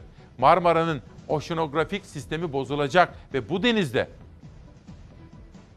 oksijen tüketimi daha da hızlanacaktır. Bu da yaşam koşullarını daha da zorlaştıracaktır. Görüldüğü gibi böyle bir projenin getirisinden çok götürüsü vardır. Kaldı ki milyarlarca dolara mal olacak bu proje yerine ülkenin çok daha elzem olan işleri yapılabilir. Bugünün teknolojisiyle Boğaz'da trafik çok daha güvenli bir şekilde gözetim ve denetim altına alınabilir. Bu hem daha ucuz hem de ülke yararına olur diyor. Bakın bir profesörün bravo. İyi ki Türkiye'nin böyle hocaları var diyorum efendim. Efendim bir soluklanabilir miyim? Bir soluklanmam gerekiyor. Şöyle bir dakika. Bu hafta Hilmi Yavuz haftası ve Büyüsün Yaz diyor. Toplu şiirleri çıktı. Hilmi Hoca eş zamanlı olarak bakın. Behçet Hoca, Behçet Necatigil üzerine de onun öğrencisidir çünkü onun üzerine de bir kitap yazdı. Soluklanalım. Hocam bunu bir anlatır mısınız bize? Behçet Hoca sizin hocanız zaten. Evet ben e, 1950 yılında Kabataş Erkek Lisesi'ne e, girdim. E, edebiyatla çok e, ilgisi olmayan birisiydim aslında. Evde şiir okuyan bir e, baba her zaman olmuştur bizim evimizde. E, ama e, doğrudan doğruya edebiyatla ilk e, ciddi ilişkim öyle söyleyeyim. Kabataş sitesinde oldu ve Behçet Hoca sayesinde oldu. O yıllarda şiir yazmaya başladım ve ilk şiirim de e, 1952 yılında 16 yaşındaydım. Kabataş'ta çıkardığımız hocanın denetiminde, Behçet Hoca'nın denetiminde çıkardığımız Dönüm dergisinde yayınlanmıştır. Neydi? Hangi şiir o? Sabahların Türküsü diye bir şiir. İlk şiiriniz ilk, o. İlk yayınlanan ilk şiirim o. Sonra yazdıklarımı e, Kabataş Lisesi'ndeki öğrencilik yıllarımda hep hocayla e, danışarak e, götürmeye çalıştım şiir çalışmalarımı. Liseyi bitirdikten sonra da e, benim İngiltere'de kaldığım süre dışında Türkiye'ye döndükten sonra da yine hocayla çok yakın şeylerimiz oldu, ilişkilerimiz oldu. Kısaca e, onun şiir anlayışı, poetikası daha doğrusu, e, meselelere, e, şiirsel meselelere bakışı, değerlendirilişi falan benim e, için bir yol gösterici olmuştur her zaman. Nasıl söyleyeyim bir vefa borcu mu desem, bir minnet borcu mu desem. Aslında öğretmeninize, Evet. hocanıza ve sizi Evet, bir- şiirle buluşturan Behçet Necatigil'e bir vefa. Kesinlikle öyle. Bu yıl yani e, 2019 yılı hocanın ölümünün 40. yılı.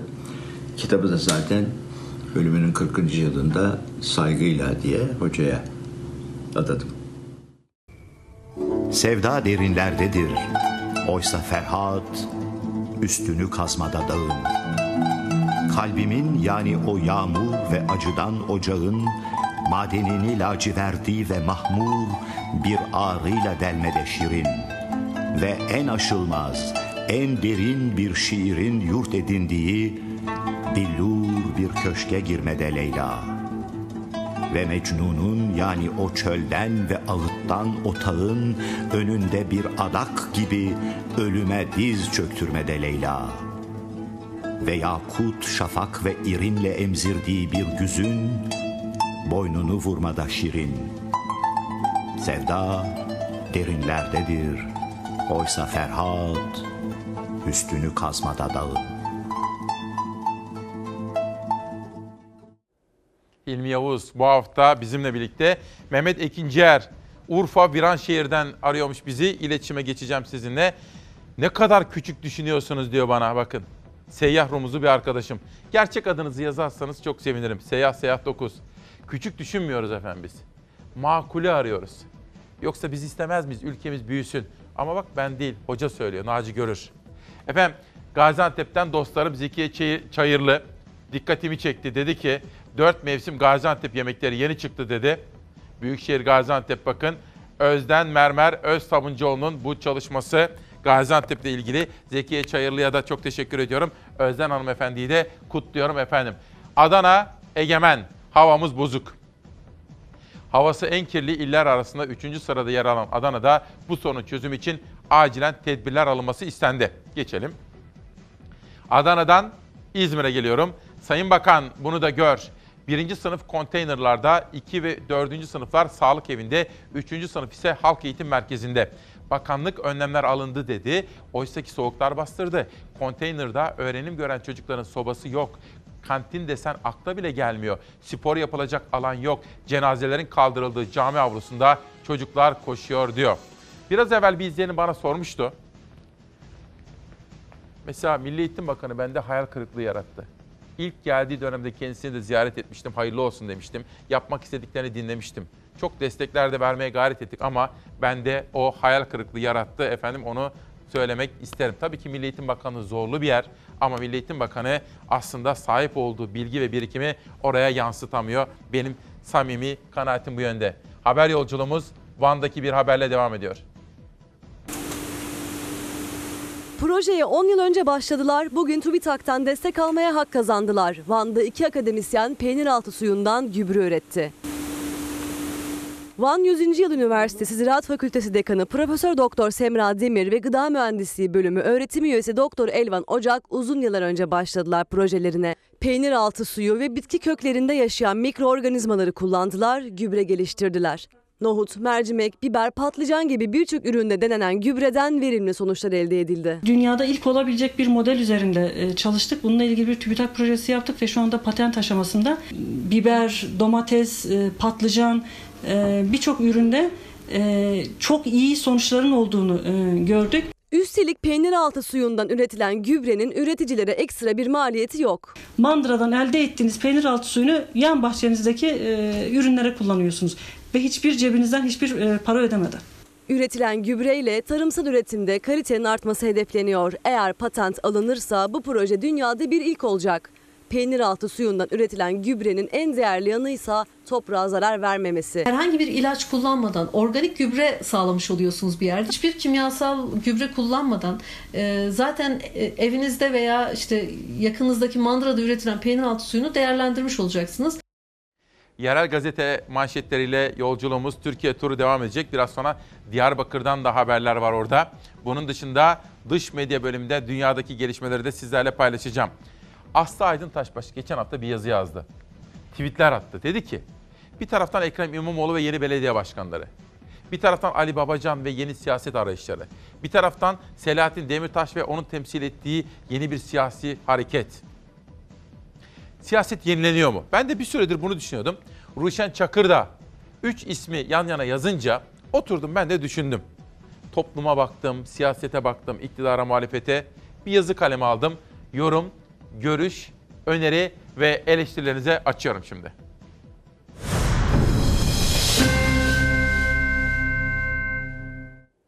Şunu söylemeliyim. Türkiye yorgun. Kavga ve gerginlikten bıkmış bir ülke. Toplum huzur istiyor. Yeni bir siyaset diline ve yeni bir üsluba ihtiyaç duyuyoruz. Uzlaşmacı yaklaşımlar. Beklediğimiz bu. Geçmişe değil, geleceğe bakmak. Korkuya değil, umuda odaklanmak. Toplumca özlediğimiz işte bu. Bence siyasal hayatımızda büyük bir değişim ve kırılma yaşayacağız. Ne zaman? Önümüzdeki 2-3 yıl içinde başladı aslında. Toplumun yenilenme talebi var efendim ve bu talep güçlü. Bu ihtiyacı gören, bu talebi karşılayan ayakta kalır, diğerleri yok olur. Beklenti nedir? Halkımızın beklentisi. Bir kere genç olacak. Genç. Yaşla ilgili değil bu. Bakış ve düşünce olarak genç. Yani yenilikçi, özgürlükçü.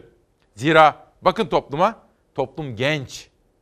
Sakin bir üslup arıyoruz ve yumuşak yaklaşımlar bekliyoruz kimsenin kimseyi dışlamadığı, ötekileştirmediği, yukarıdan bakmadığı, azarlamadığı, herkese seslenen, insan odaklı bir siyaset istiyoruz. İnsanın mutluluğunu ve huzurunu ön plana alan, yeni fikirler, yeni idealler ama adalet, muhakkak adalet. En önemlisi öncelikle adalet istiyoruz. Kalkınmacı olacak ama çevreyi koruyacak.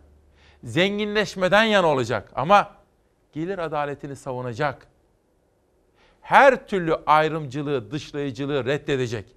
Anayasal haklara dayalı eşit yurttaşlık temelinde gerçekten tam demokrat. Aradığımız bu.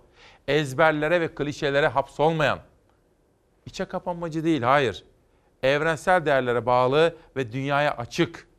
Öyle tek adam, tek parti, tek karar merci değil, hayır öyle değil. Türkiye'yi taşıyamaz öyle. İstişare, dayanışma, danışma, katılımcı demokrasi. Ortak akıl istiyoruz. Sonra halka yakın. Bugün Yıldıray Oğur yazmış kararda. Ankara sizi duyamaz artık diyor Yıldıray Oğur. Uzun bir yazı yazmış. Neden halka tepeden bakıyorlar bazıları? Yıldıray Uğur yazmış. Biz de diyoruz ki halkın taleplerine kulak veren şunu görüyorum. Siyaset gibi, medyada siyaset gibi halktan koptu onlar. Sorunların özünde işte bu kopuş yatıyor. Medyanın sorunu da bu. Mesele hiç öyle iktidar muhalefet meselesi değil. Benim meselem partiler meselesi değil efendim. Hayır. Ben bütünüyle siyaset sınıfından bahsetmek istiyorum. Ya bu siyaset sınıfı halka gidecek, halkla buluşacak ya da halk kendisine yeni bir siyaset sınıfı çıkaracak. Zira kimse unutmasın ki toplum asla ve kata alternatifsiz kalamaz.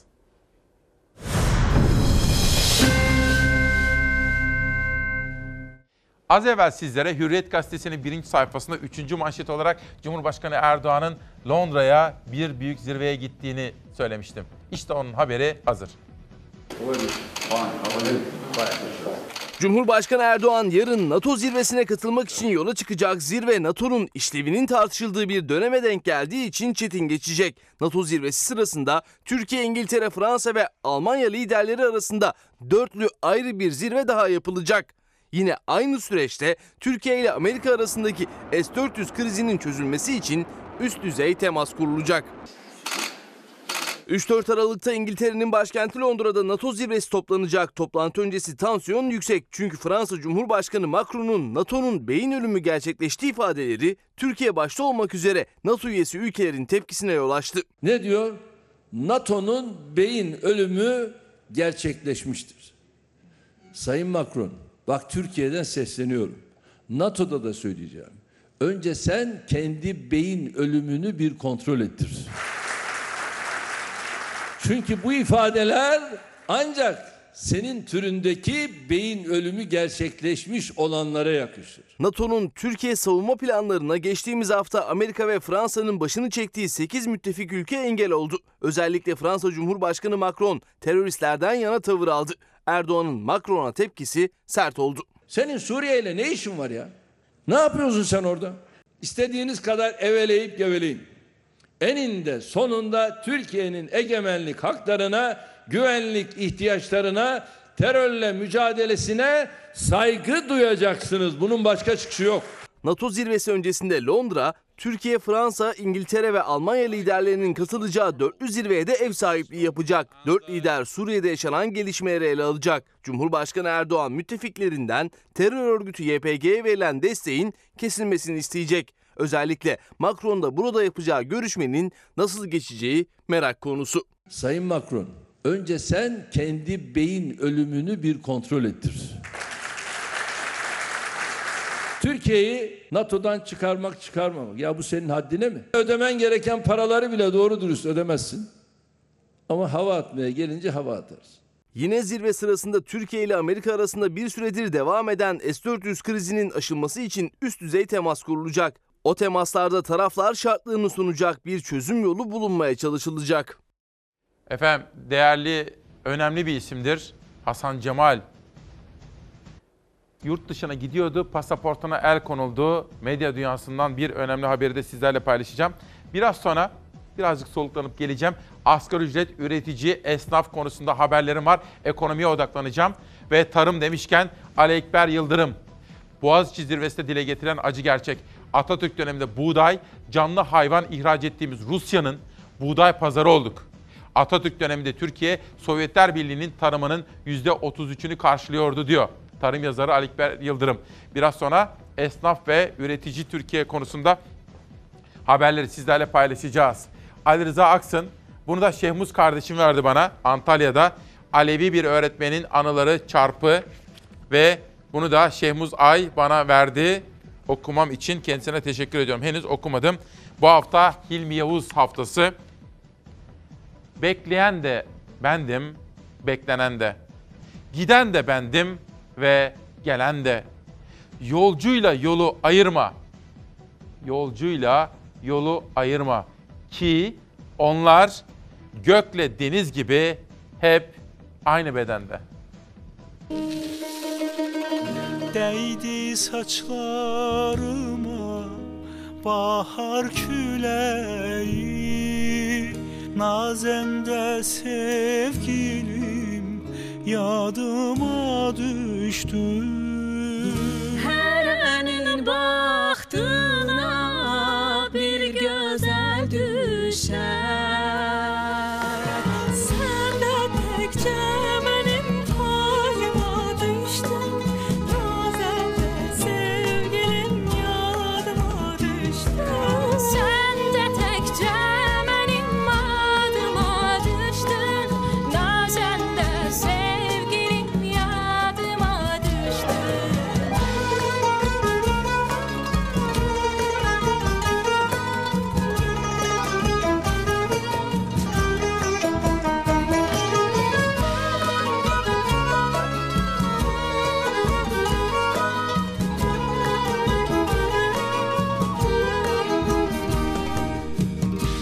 Sensiz dağı döşüne Çıktım bu seher. Öttü kumru kimi Gür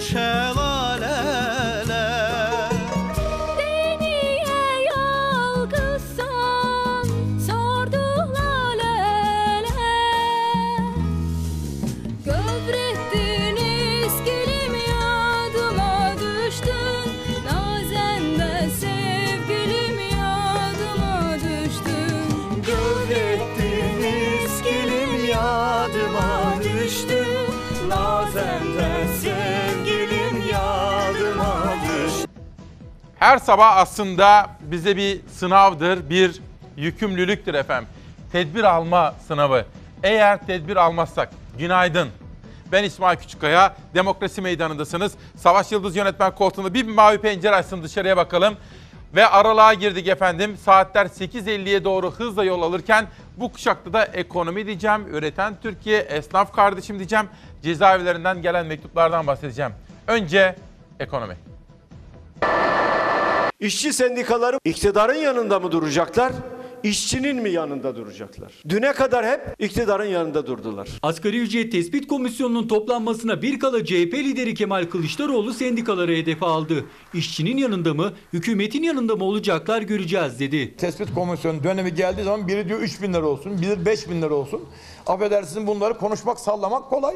Ama söylediğinizden aldığınız arasında uyum olması lazım. O iktidar aldı bunları açlık sınırının altındaki bir asgari ücrete mahkum etti. 2020 yılı için asgari ücret görüşmeleri 2 Aralık pazartesi günü başlıyor. Masada işçiyi Türk İş temsil ediyor ama 39 yıl sonra ilk kez disk ve hak işinde görüşleri alınacak. Vergi adaletsizliği konusunda hükümete karşı ortak bildiri yayınlayan 3 sendika bu kez asgari ücret komisyonunda yine yan yana. ortak bir rakam üzerinde bir mutabakat sağlanırsa ben bunun açıklanmasını daha doğru olduğunu düşünüyorum. 2578 lira yaşam maliyeti öyle mi? Yaşam maliyetin altında falan hiçbir işe oturup konuşmayız. 2019 için asgari ücret görüşmelerinde 2200 lira sınırı çizen Türk İş Başkanı'nın 2020 liraya nasıl ikna olduğu tartışma yaratmıştı. Bu yıl 2578 lira olan yaşam maliyetini dile getirdi. Disk ve Hak İş rakam telaffuz etmedi. Kılıçdaroğlu ise sendikaları daha önce hükümetle birlikte hareket etmekle eleştirse de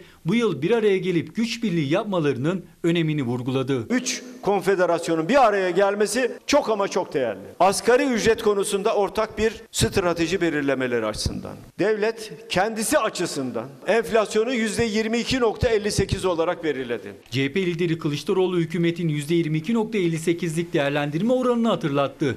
Sonrasında da topu sendikalara attı. Hep hükümetten yana durdular diyerek. Asgari ücrete de en az %22.58 zam yapılması lazım. Bir de büyümeden pay verilmesi lazım. İşçi sendikaları bunu gerçekleştirir mi? Göreceğiz. Ayrıştığımız zaman bedelini beraber ödüyoruz.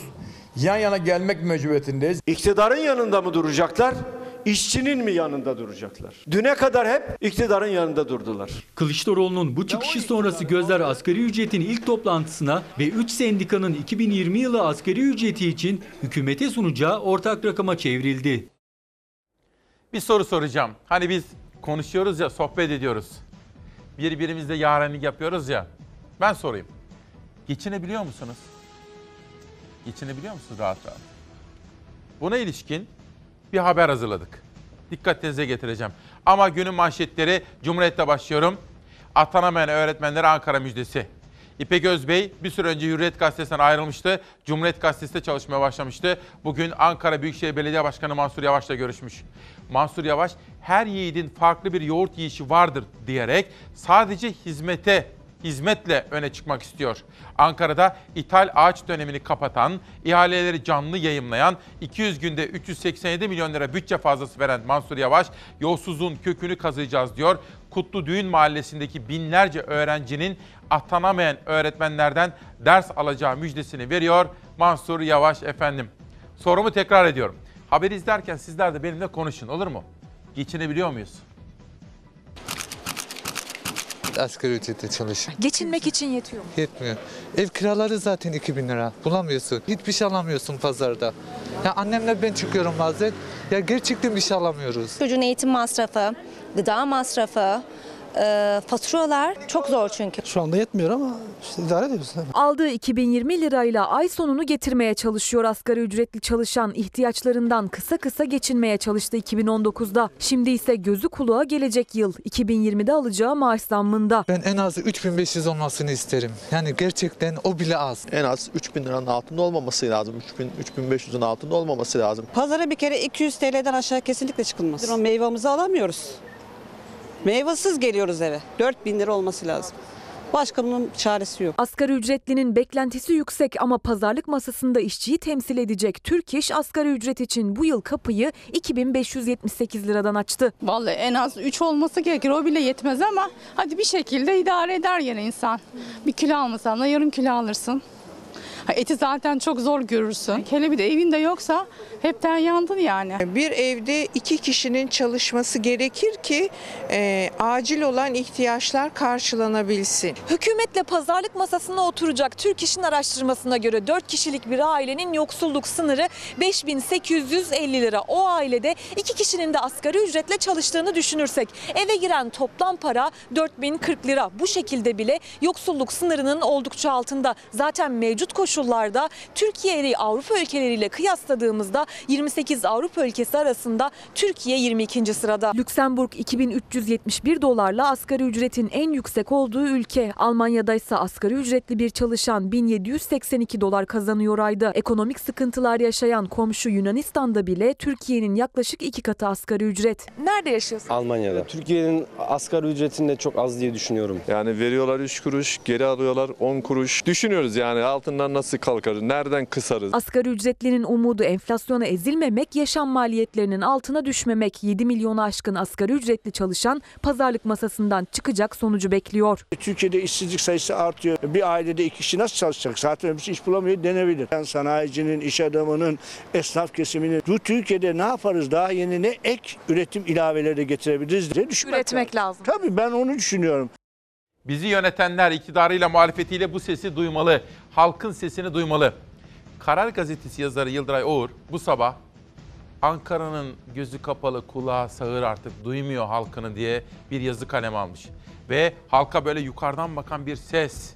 Valiler şunlar bunlar onlara kızıyor. Yıldıray Oğur ve sesini duyuramıyor diyor halkımız için. Bakın bugün Özgür Çoban Bir Gün Gazetesi'nde sosyal demokratlar yeni bir başlangıç yapabilir mi diye bir yazı kalem almış. İçinde bulunduğumuz dönem zorlu bir dönem.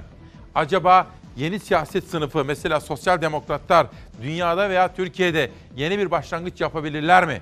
İşte bu sorunun peşine takılmış ve yanıtını arıyor.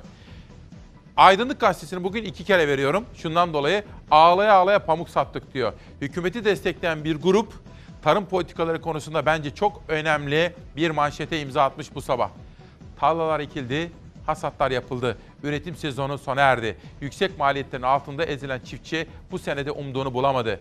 Buğday, patates, pamuk rekolte düştü. Çiftçi elindekini yok pahasına satmak zorunda kaldı. Şimdi bu yılı nasıl çıkaracaklarını kara kara düşünüyorlar. Dün Kılıçdaroğlu İstanbul'daydı. Maltepe Belediyesi'nin düzenlediği ve başka pek çok Büyükşehir Belediye Başkanı'nın da katıldığı bir toplantıda ekonomiyi gündeme aldı. Bence de muhalefet partilerinin ekonomiyi odak noktası haline getirmesinde fayda var. Asgari ücret şu anda 2020 lira net. 2020 lira. Türk İş'in yaptığı açıklama açlık sınırı 2102 lira. asgari ücret açlık sınırının altında.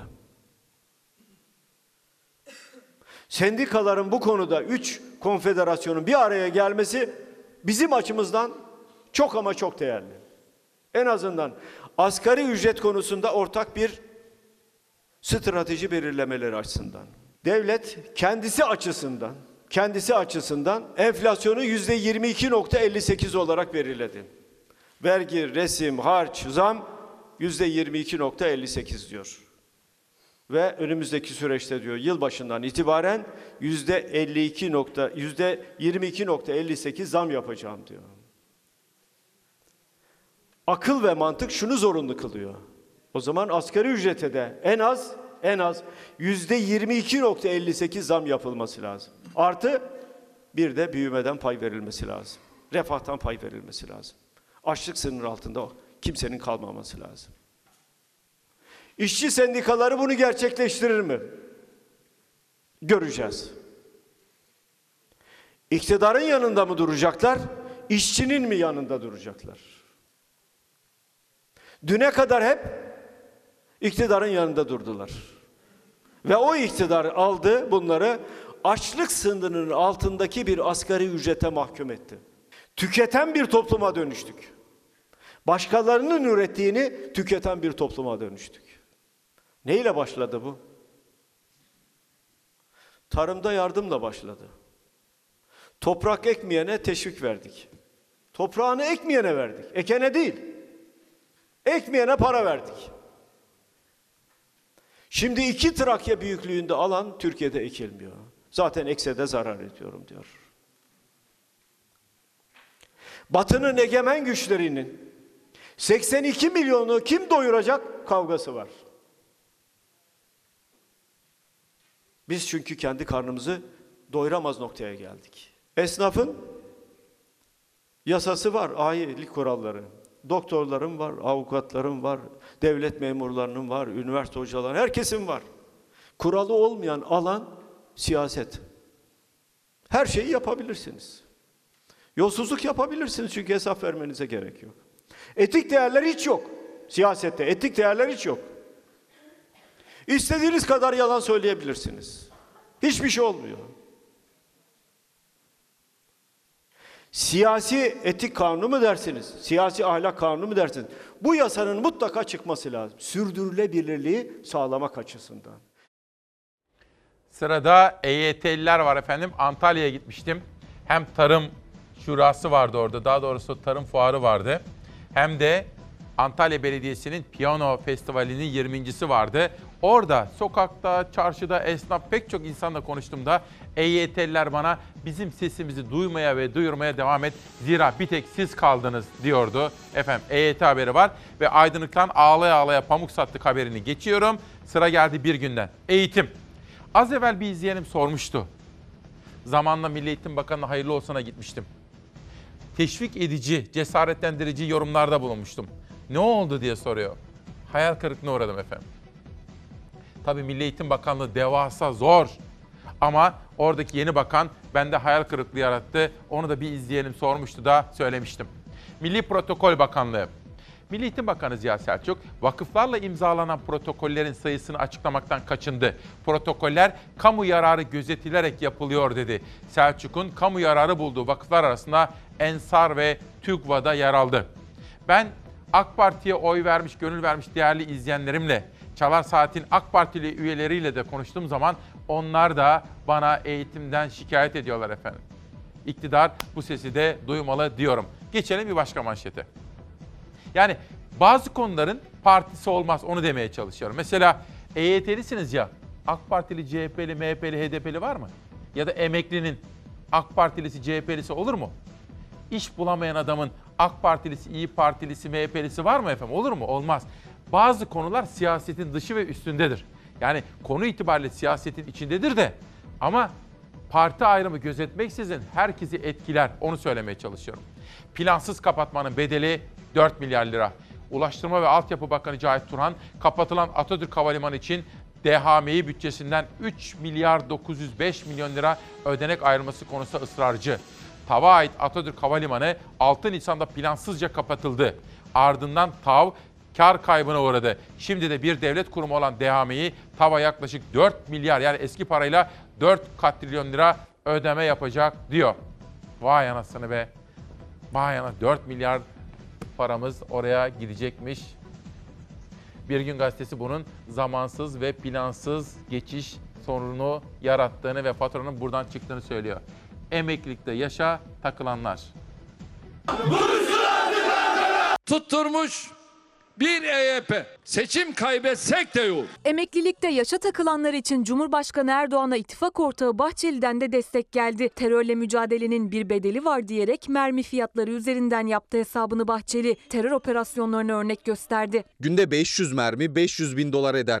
Tek bir fırtına obüsünün sadece atıştaki mermi maliyeti yılda 50 milyon dolara yaklaşıyor. Bir harekatta 100 obüs topu kullanıldığını düşünürsek yılda sadece 5 milyar dolar obüs maliyeti karşımıza çıkar. İkinci Dünya Savaşı sırasında Alman tanklarının Alman çocuklarının tereyağına ihtiyacı yok ama Alman tanklarının gires ihtiyacı var diyen zihniyete benzer söylemler 2019 Türkiye'sine yakışmaz. MHP Genel Başkanı Devlet Bahçeli'ye yanıt CHP'li Özgür Özel'den geldi. Türk milletinin terör hassasiyetini istismar etmeyin dedi. E para emeklilik için yok biz bunu terörle mücadele için harcayacağız. Seçimden önce EYT'ye, seçimden sonra terörle mücadeleye demeleri terörle mücadele konusundaki ulusal hassasiyetimizi, milli duyarlılığımızı istismardan başka bir şey değildir. CHP lideri Kemal Kılıçdaroğlu da geçen hafta grup toplantısında EYT'lilerin sorununu çözeceğiz diyerek söz vermişti. Çözeceğim. Hiç endişe etmeyin. Sizin sorununuzu çözeceğim. Bu taahhüdümü yazın bir yere. Bugünü de kaydedin. Kılıçdaroğlu şu tarihte grupta bizim sorunumuzu çözeceğini vaat etti. Değil. Her yerde kullanın. Sonrasında Emeklilikte Yaşa Takılanlar Derneği yöneticileriyle görüştü Kılıçdaroğlu. Sorunu nasıl çözeceğini de Maltepe Belediyesi'nin düzenlediği ekonomi toplantısında anlattı. Aile sigortası hayata geçirilmeli dedi. Emeklilikte yaşa takılanlar. Kıyamet kopuyor. Hakkımızı istiyoruz ya. Emeklilikte yaşa takılanların sorunu aile sigortasıyla çözülecek. Çözülmek zorundadır. İşsizlik sigortasında nasıl bir kaynak yaratıldıysa aile sigortası için de kaynak yaratıp dolayısıyla bu sorunu temelden çözebiliriz. Arkadaşlarıma söylüyorum. Beni bu yola asla teşvik etmeyin. Konu Saadet Partisi Genel Başkanı Temel Karamollaoğlu'nun da gündemindeydi. Erdoğan'a yanıt verdi. Her problemin çözümü vardır sözleriyle. Mümkün değil. Halledemeyiz. Ya ne demek mümkün değil, halledemeyiz? Her problemin bir çözüm yolu vardır. Her mağduriyetin giderilmesi mümkündür. Ha herkesi tatmin edebilir misiniz? Herkesi tatmin edemeyebilirsiniz. Ancak siz belli bir prosedürü ortaya korsunuz. Bakın Filiz Yılmaz. İsmail Bey günaydın. Emeklilerin dışında herkese para var. Pes diyor Filiz Yılmaz. Bir arkadaşım Hasan benim fikrimi soruyor. Efendim ben aslında EYT konusu eskiden farklı düşünüyordum. Diyordum ki böyle böyle böyle böyle. Fakat danışmanım beni uyardı. Dedi ki empati kurmalısın. Ve sen üstelik EYT'lisin. Gerçekten de bakın Nihal Kemaloğlu dikkatimi çekti. Düşündüm. Ben 1992'de Hürriyet Gazetesi'nde çalışmaya başladım. 2-2,5 yıl kadrosuz sigortasız çalıştırıldım. Sonra Dinç Bilgin Sabah Gazetesi'ne transfer oldum da 95'te sigortalı oldum. O gün bugündür aralıksız çalışıyorum. Bakın 7 yıldır da burada her sabah 4'te kalkıp sizlerle buluşuyorum değil mi? Sabah 4'te kalkıp. Danışmanım dedi sen sigortalı olduğunda sana ne dediler? Şu kadar yıl çalışırsan, bu kadar yıl prim ödersen şu saatte emekli olursun. Oyunun kuralları belliydi. Üstelik ben yıpranma hakkına sahiptim. Yani fikir işçisi olduğum için bize yıpranma hakkı veriyorlardı eskiden. Bu iktidar bunları aldı, yıpranma hakkını kaldırdı. Tamam. Fakat oyunun kuralı sonradan değişti. Ben bakın 95'ten bugüne aralıksız prim ödüyorum. Çalışıyorum. 7 yıldır sabah 4'te kalkıp buraya geliyorum. Benim oyuna girdiğim gün oyunun kuralları farklıydı. Sonradan oyunun kuralları değiştirildi. Ha işin maddi bölümüne gelince nerelere ne paralar harcadıklarını bildiğimiz için emeklilikte yaşa takılanlar konusu da bence EYT'liler haklı efendim. Ben benim geldiğim nokta budur. Sıra geldi çevre haberlerine. Halk balık çiftliklerine karşı tek ses. Antalya'da biliyorsunuz mermer ocakları, taş ocakları bu takip ediyorum. O konuları her zaman takip edeceğim. Ayrıca İzmir'deki Karaburun ilçesinde yaşayan yurttaşlar. Onlar da diyorlar ki balıkçılık böyle mi yapılır? Çevreyi koruyarak, denizleri kirleterek balıkçılık mı yapılır? Karaburun'da balık çiftlikleri sorunu devam ediyor. Denizde çiftlik kurma çalışmaları sürüyor. Vatandaşlarsa durumu protesto ediyorlar. İzmir'in el değmemiş sayfiye yerlerinden Karaburun'da deniz içinde kurulan balık çiftlikleri isyan ettirdi. Karaburunlular deniz çayırlarına zarar veren, deniz ekosistemini kötü etkilediğini söyledikleri balık çiftliklerini istemiyorlar. Daha önce mahkeme salonlarında da mücadele verdikleri balık çiftliklerinin hukuki süreçleri ve kararları göz önünde bulundurmadıklarını öne sürüyorlar. Karaburun'da önemli geçim kaynaklarından biri kıyı balıkçılığı. Vatandaşlar balık çiftliklerinin kıyı balıkçılığını kötü etkilediğini söylüyorlar. Balık çiftliklerinin denetlenmesini, deniz ekosisteminin korunmasını talep ediyorlar.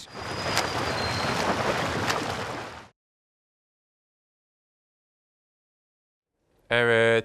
Şimdi Antalya'da dün yürüyüşümü yaparken çocuklar vardı, balık tutacaklardı ve onlar da ben de onlara dedim ki hem editörümün hem de yönetmenimin maillerini verdim. Beni bilgilendirin dedim. Onlar çocuklara balık tutma sevgisi aşılamak istiyorlardı. Gelecek nesiller için Mavi'de buluşalım. Çocuklara çevre bilinci aşılamak istiyorlardı. Bunların da duyarlılığına şapka çıkarıyorum. Bir günden milliyete geçelim. Bir dakika.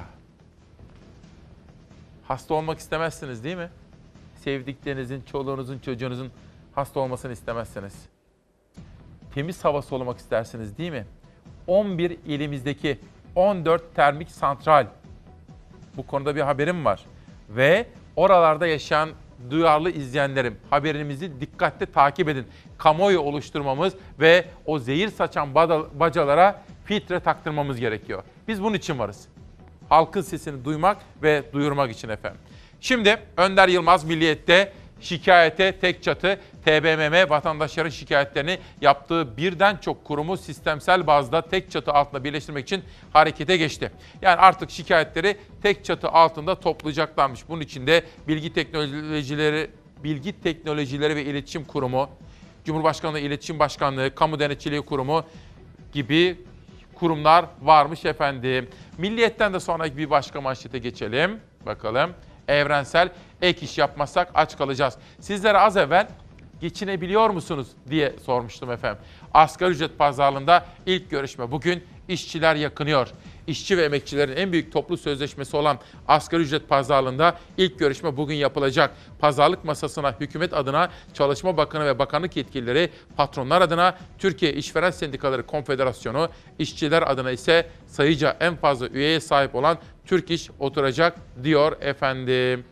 Peki en önemli gündem maddelerinden bir tanesi halk sağlığıdır. Bu siyah dumanlar termik santrallerin bacasından iki buçuk yıl daha salınacak. Filtresiz bacalar yüzünden iki buçuk yıl daha kirlenecek soluduğumuz hava, içtiğimiz su. Bu kirliliğin iki buçuk yıl daha sürmesi parayla kıyaslanamayacak ağır sonuçlar demek. Özellikle santrallerin bulunduğu çevrelerde yaşayan en az 3000 kişinin erken ölümü anlamına geliyor. Biz sabahleyin kalktığımız zaman inanın fısfısla yaşıyoruz. Çocuklarımız evimizin önleri toz, toprak, kül. Türkiye'nin dört bir yanındaki 15 termik santralin bacasına 2019 yılı sonuna kadar filtre takılması zorunluydu. Ancak işletmeciler santrallere filtre taktırmadı. Zaten filtre takılması için tanınan süre de AK Parti ve MHP'li vekillerin oylarıyla uzatıldı. Kabul edenler kabul etmeyenler madde kabul edilmiştir. Türkiye Mühendis ve Mimar Odaları Birliği'ne bağlı Çevre Mühendisleri Odası uzatma kararının yaratacağı etkileri araştırdı. Patronların parası cebinde kalırken insan sağlığı gün be gün yok olacak. 17.400 çocuk bronşit, 156 bin çocuk da astım ve bronşit semptomuyla karşılaşacak. 2020 yetişkinde bronşite yakalanacak. Yani filtresiz bacalar önce ciğerleri vuracak. 5-10 sene sonra hepimiz kanser olacağız. Ben toprağı bilirim kardeşim. Filtre için tanınan 2,5 yıllık sürede 1 milyon 50 bin insan iş gücünü tamamen yitirecek. 7 milyon 390 bin insan da hastalık izni alacak. Uzmanlar termik santrallere filtre takılması konusunda halk sağlığının değil maliyetin hesaplanmasına da tepkili. Zaten santraller yılda ortalama 3 ay çalışıyor. Yani filtre takılması için durdurulmalarına da gerek yok. Bir arkadaşım sordu, özet yapayım. Tekrara kaçmamaya gayret edeyim. Bugün Engin Ardıç eleştirmiş ama hani Ahmet Davutoğlu, Ali Babacan, Selahattin Demirtaş, o hatta Babacanoğlu diye yazmış efendim. Hani o da erken öten, öten horozlar demiş Engin Ardıç. Abdülkadir Selvi de kendisinin görüştüğü pek çok yabancı kaynağında Ekrem İmamoğlu, Ali Babacan bunlar başarılı olurlar mı diye yazmışlar. Mehmet Ocak'tan Türkiye nasıl bir Ali Babacan istiyor ve bekliyor kararda yazmış. Ali Karahasanoğlu Akit Gazetesi'nde hem Ali Babacan'a hem de Davutoğlu'na diyor ki siz ne yaptıysanız, ne başardıysanız Erdoğan'la birlikte başardınız. Siz Erdoğan'sız ne yaptınız diye soruyor bugün Ali Bey de yazısında. Financial Times gazetesi, ha bir dakika. Erdoğan'ın bir görüşmesi var, onun haberini isteyeceğim arkadaşlarımdan, tamam. Ve Avrupa Birliği'nde bütçe tartışmaları var şimdi. Bu bütçeyle birlikte aslında Avrupa Birliği de dağılıyor mu, dağılmıyor mu? İngiltere çıktıktan sonra Avrupa Birliği ne yapacak? Geçelim Financial Times gazetesine. The Guardian gazetesinde de bakın ha İngiltere'de meydana gelen terör eylemi o haberi ikinci kurbanın kim olduğu da belirlendi. Erken saatlerde onları size vermiştim. Oradan tekrara gerek yok. Efendim dün hazır mı Savaş ver onu. Dün önemli görüşmeler yapıldı. Cumhurbaşkanı Erdoğan ile Avrupa'da Londra'da bir zirve yapılacak. Zirvenin konusu hem Avrupa Birliği hem NATO yani Batı müttefikliği hem Suriye konusunda meydana gelen gelişmeler. Cumhurbaşkanı Erdoğan yeni AB Komisyonu Başkanı von der Leyen ile telefonda görüştü ve üçüyle dördünde yarın ve öbür gün Cumhurbaşkanı Erdoğan Londra'da olacak. Ladies and gentlemen, I think there could be no better day. Avrupa Birliği Komisyonu yeni başkanını seçti. Cumhurbaşkanı Erdoğan Başkan Layın'la görüştü. Avrupa Birliği Türkiye ilişkilerini, Suriye'de oluşturulan güvenli bölgeyi, Türkiye Avrupa Birliği ilişkilerini ve Suriye'de oluşturulan güvenli bölgeye dönüşü konuştu. Alman siyasetçi Ursula von der Leyen daha önce Almanya'da Çalışma ve Sosyal İşler Bakanlığı, Aile, Yaşlı İnsanlar, Kadınlar ve Gençlik Bakanlığı ile birlikte Savunma Bakanlığı yaptı. İlk Alman kadın savunma bakanı olarak da tarihe geçti. Leyen dün Avrupa Birliği Komisyonu Başkanı olarak resmen görevine başladı. Başkan Leyen'la Türkiye'nin ilk teması daha ilk günden en üst düzeyden kuruldu. Cumhurbaşkanı Recep Tayyip Erdoğan Leyen'la telefonda görüştü. Erdoğan önce Layın'ı yeni görevi dolayısıyla tebrik etti. Ardından gündem maddelerini konuştu. Görüşmede Türkiye ile Avrupa Birliği ilişkileri ve Suriye'nin kuzeyinde oluşturulan güvenli bölgeye Suriyeli mültecilerin gönüllü dönüş koşullarını ele aldı. Sağlıkçılar atama bekliyorlar. Ziraat mühendisleri atama istiyorlar. Güven Güngör gibi EYT'liler bizimle birlikte. Polis arkadaşlarımız 3600 ek gösterge sözünün yerine getirmesini bekliyor. Bunlar da kampanyalar. Cemal Aktaş, İsmail Bey, neden Refah Partisi'ne ambargo yapılıyor? Fatih Erbakan gelecek. Kimse korkmasın diye soruyor. Cemal Bey, Fatih Erbakan'la bugün, bugünkü yayından sonra bir sohbet gerçekleştireceğiz. Kendisiyle bir kahve içeceğiz. Hayat uyanmış bizimle birlikte. Anne, anneannesi için bize yazmış. Ayten Hanım, Antalya'da da bizzat tanışmıştım. Böyle ellerimi de tuttu. Ben dedi evlatlarını kaybetmiş bir anneyim, bir çalar saat annesiyim. Yanında torunu vardı. Torunun adı da Hayat'tı. Annesinin adı Ömür'dü ya da tam tersi. Ben de o annemize şöyle bir sarıldım. Dedi ki her sabah annelere bahsediyorsun ya annelerden dedi. Ama dedim herkes öyle değil midir? Ah evladım dedi keşke herkes öyle olsa. Efendim hayırlı evlatlar olmak zorundayız. Nereden öğrendik? Babalarımızdan, öğretmenlerimizden bunu öğrendik değil mi? Buradan Antalya'daki Ayten Hanım Efendi'yi ve onun kıymetli torunlarını da selamlıyorum buradan. Gaziantep Doğuş Gazetesi çiftçi üretimden kaçıyor. Haksız mıyım efendim? Hayırlı evlatlar olmak durumunda değil miyiz? Annelere, babalara, büyüklerimize, üzerimizde emeği geçen akrabalarımıza, öğretmenlerimize. Gaziantep Ziraat Mühendisleri Odası'nın yeni hizmet binası düzenlenen törenle açıldı. Törende konuşan Türkiye Mimar Mühendis Odaları Ziraat Mühendisleri Odası Genel Başkanı Özden Güngör, tarım ve hayvancılıkta gelinen son noktanın üzüntü verici olduğunu söyledi ve maalesef çiftçinin üretimden kaçtığını söyledi. Bir soru. Çiftçi neden üretmez? Çünkü binbir zahmetle ürettiği ürünün yeterince para etmediğini ve bir sonraki yıl için maliyetleri karşılayamadığını düşünür, üzülür ve kaçar maalesef. Devam. Anadolu'ya tercüman. Çankırı'dayım. Öğrenim kredi isyanı, borcu olan gençler bir beklenti içerisindeler. Şeyma Dursun haberi. Berat Albayrak bu konuda bir açıklama yapmıştı. Üzerinde çalışıldığını söylemişti. Biz de merakla çalışmanın sonucunu bekliyoruz. Antalya'ya geçiyorum. İşsizlik 2001 ve 2009'u solladı. Her geçen gün artan işsizlik rakamları 2001 ve 2009 krizlerini solladı. Hükümetin işsizliği görmezden geldiğini savunan Genel Başkan Mehmet Balık, Türkiye'de son 15 yılın en büyük işsizliğinin yaşandığını söyledi. Başkan Balık 1 milyon 133 bin kişi bir yıldan uzun süredir iş bulamıyor dedi. Bir de bizim ailemizin temel felsefeleri var ya efendim. O felsefelerden bir tanesi mesela ağacı severiz, yeşili severiz. Hele hele zeytin ağacının kutsal olduğuna inanırız değil mi? Burada yaklaşık 500-600 tane ağacı baltayla gözetmeksizin parçalamışlar. Yaklaşık 600 fidanı baltayla parçaladılar, yok ettiler. Zeytin fidanları parçalanan Okan Taşarası suç duyurusunda bulundu. Bunun araştırılmasını, bu doğa katillerinin, ağaç katillerinin yakalanmasını istiyoruz. Manisa'nın Köprübaşı ilçesine bağlı Azimli köyünde kimliği belirsiz kişi ya da kişiler yüzlerce zeytin fidanını katletti. 650 dönüm arazideki 35 bin zeytin fidanından yaklaşık 500 tanesi yok edildi. Gözlerden uzak noktadaki zeytinlik arazide bu katliamı kimlerin neden yaptığı henüz bilinmiyor. Bölgede zeytincilikle uğraşan taş arası şüphelendiğimiz kimse yok diyor. zamanda bu kadar fazla ağaç dikimi yapılırken her yerde, doğa için bir şeyler yapılırken bize bunu yapanların bulunup cezalandırılmasını istiyoruz. Zeytin üreticisi suç duyurusunda bulundu. Katliamı kimlerin neden yaptığı araştırılıyor. Lakin kendileri herhangi bir ortada bir video ya da herhangi bir şüpheli olmadığı için e, araştıracaklarını ama doğru düzgün bir şey çıkmayacaklarını söylüyorlar. İşte bakın Seçil haklı. Adam öldürme gibi bir muameleyle karşılaşmaları gerekiyor bunların. Sizlere sabah erken saatlerde söyledim. Bugün Çiğdem Toker de Kanal İstanbul'u yazmış. Önemli bir yazıydı. Fakat ona sen bu işlerden ne anlarsın demişler. Beni de böyle eleştiriyorlar ya zaman zaman. O da benim yaptığım gibi yapmış. Peki demiş ben susayım. Naci Görür, Profesör Doktor bu konuda Kanal İstanbul projesi konusunda kaygılarını yazmış. Efendim ben de bakın sosyal medyada, Twitter'da ben de onları retweet ettim.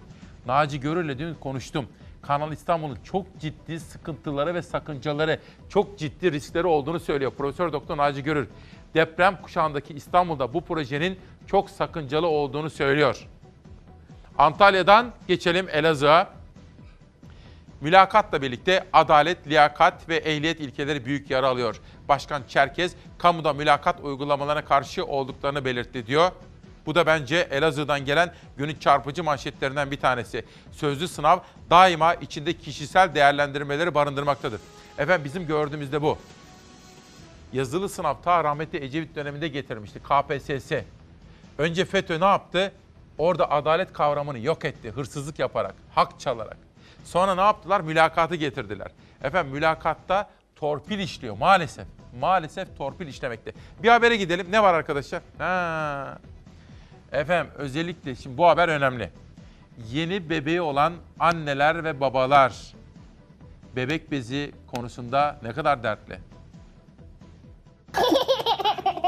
Mamalar pahalı, bez pahalı, her şey pahalı. Gelir düzeyimize göre pahalı. Çünkü gelir düzeyimiz alt seviyede ama giderimiz üst seviyede maalesef.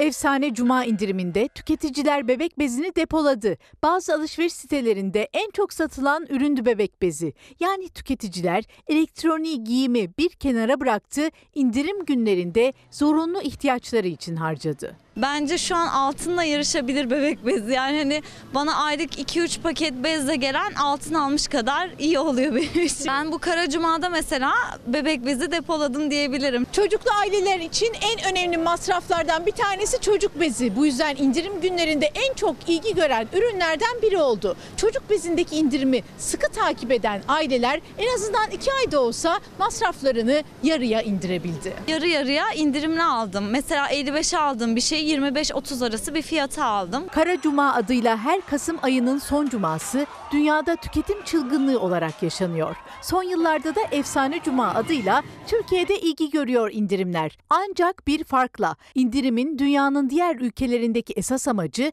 daha çok lüks tüketime ya da elektronikte, giyim ve mobilyada cazip indirimler yapmak, tüketiciye daha fazla ulaşabilmek. Türkiye'de ise indirimler daha çok zorunlu ihtiyaçların karşılanmasına yönelik bir fırsat olarak değerlendirildi. Bu ilgiyi nasıl değerlendiriyorsunuz? Yani indirim oldu diye bebek bezi almak? İnsanların alım gücünü gösteriyor, fakirliğini gösteriyor. Bebek bezi, özellikle şu anda tuvalet kağıtları gibi sağlık ürünleri yani olduğu fiyatlardan bile çok pahalı satılıyor. İndirim günlerinde ailelerin bebek bezi indirimlerini takip etmesinin sebebi ortalama bir paket bebek bezinin 55 ile 60 lira arasında olması. Aylık 3 paket harcanıyor. Bu da 200 lirayı bulan bir maliyet demek. Çok daha pahalıları var. En çok onu düşünüyorsunuz ki gelenlere de elbise falan getirmeyin, bebek bezi getirin diyorduk. Ben ilk doğum yaptığımda bana arkadaşlarım bebek bezi alıp geldi. Hediye seçiminde bile bebek bezini tercih eden aileler olduğu düşünülünce bezdeki indirimin ne kadar önemli olduğu bir kez daha anlaşıldı. 10 sene önce indirim yok, fiyatlar iyiydi. Pırlantadan vergi almıyorlar ama bebek bezinden alıyorlar.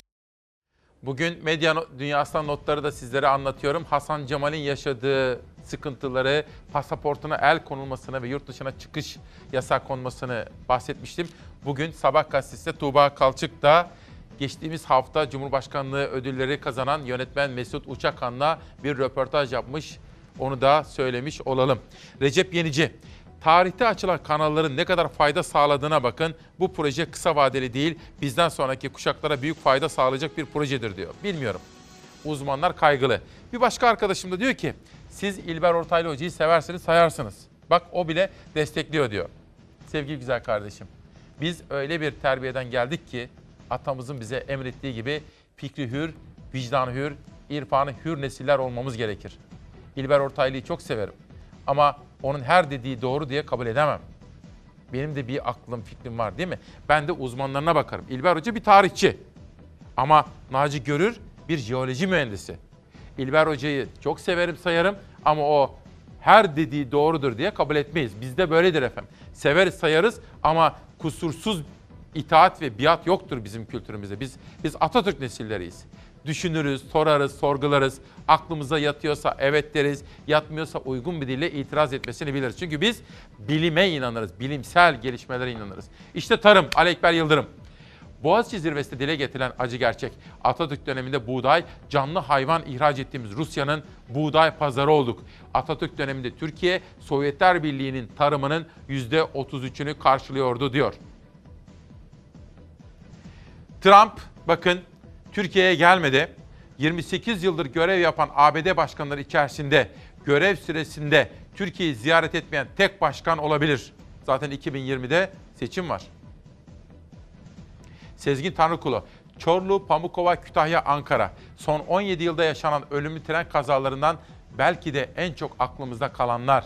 Yaşanan kazaların büyük bölümü de sinyalizasyon kaynaklı. Peki TCDD'de açılan sinyalizasyon bakım ihaleleri kimlere ve nasıl veriliyor? Çevre Bakanı Kurum, eğer tedbir almazsak, bugünkü manşetimizi oradan aldım, ileride su kıtlığı yaşamaya başlayacağız. Ben de şunu sormak istiyorum. Tedbiri almakla yükümlü olan kim? 17 yıldır memleketi yönetenler neden gerekli tedbirleri almadılar diye bir soruyu şuracığa bırakıyorum. Aslı Aydın Taşbaş. Halklara umut ve çözüm vaat etmeyen Orta Doğu rejimleri bütün enerjilerini kendi rejimlerini korumaya sarf ediyor. Müslümanların şanssızlığı da bu. Demokrasinin uğramadığı tek coğrafya. İşte bu. Halkımızı ve ülkemizi, vatanımızı demokrasiyle taşlandırmak. Bizim bütün çabamız bu. Bahattin Yücel, termik santrallerin çevreye verdiği zarar sadece filtrelenmesi geciktirilen baca atıklarından kaynaklanmaz. Düşük kalorili linyit çıkarmak için yok edilen ormanlar ve tahrip edilen doğa nedense gündemde değil. Bir hoca, Profesör Doktor Mustafa Öztürk, yasayla baca gazı arıtma tesisi kurmaları ertelenen termik santrallerin çevresinde yaşayan öncelikle hamile kadınların, bebeklerinin ve 0-6 yaş arası çocukların sağlığı yetişkinlere göre daha olumsuz etkilendiği tespit edilmiştir diyor. Hocamız uyarıyor. Kürşat Yörükoğlu, asgari ücretin insanların geçimini rahatça it- idare ettirecek bir rakamda olmasını istiyorum.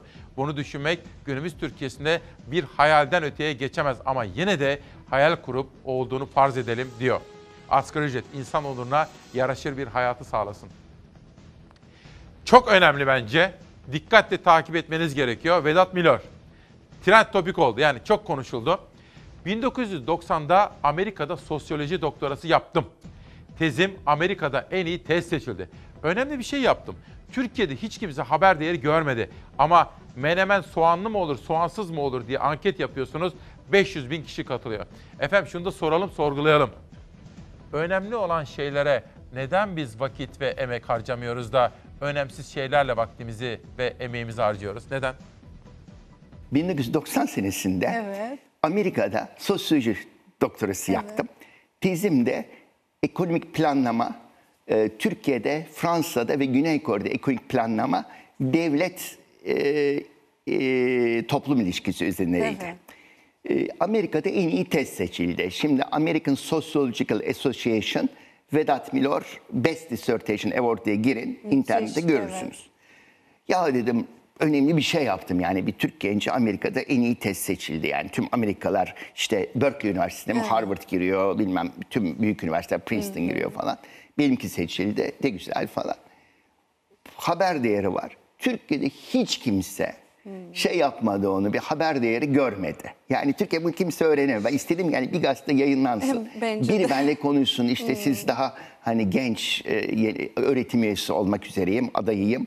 E, işte efendim e, planlaması nasıl olmalıdır, işte na- Türkiye'ye nasıl faydası olur, e, devlet planlamayla ilgili görüşleriniz nedir falan. Hayır, kesinlikle ilgi yok.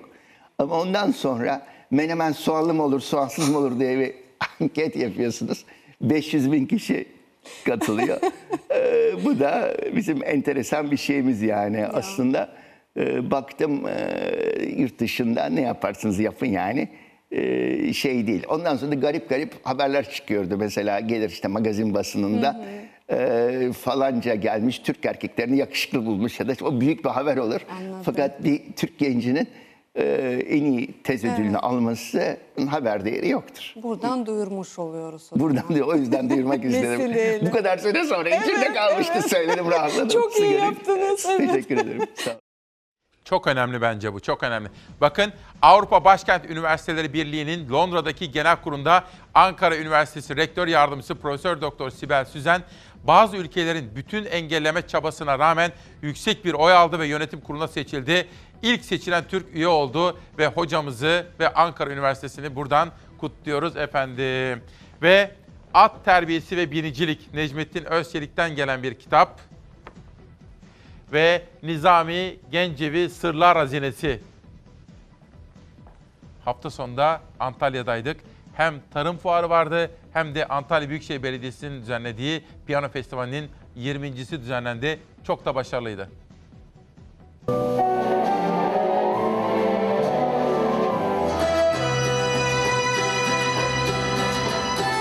Kasım ayında Antalya'da yıldız yağmuru yaşandı. 20. Antalya Uluslararası Piyano Festivali hafta sonu da müzikseverlere unutulmaz anlar yaşattı.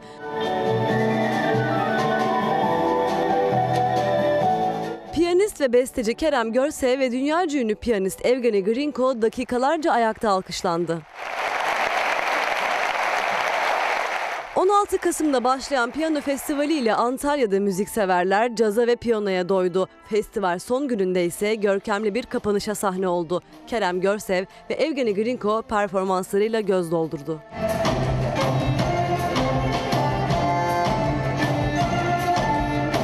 Antalya Kültür Merkezi'nde gerçekleşen konserlere ilgi çok yoğundu. Antalya Devlet Senfoni Orkestrası ile sahne alan Kerem Görsev hem piyanonun tuşlarına hem de dinleyicilerin kalbine dokundu.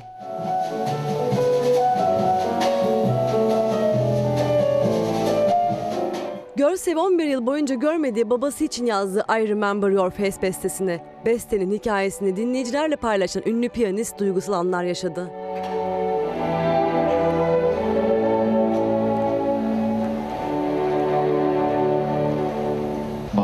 İthaf etmiştim. Ee, Bir 11 sene görüşememiştik kendimle. Güzel bir ve piyano vardı. B. Orada da hemen bir A4 kağıdı isteyip e, Porta yazmıştım üstüne. O besteyi de orada yazmıştım.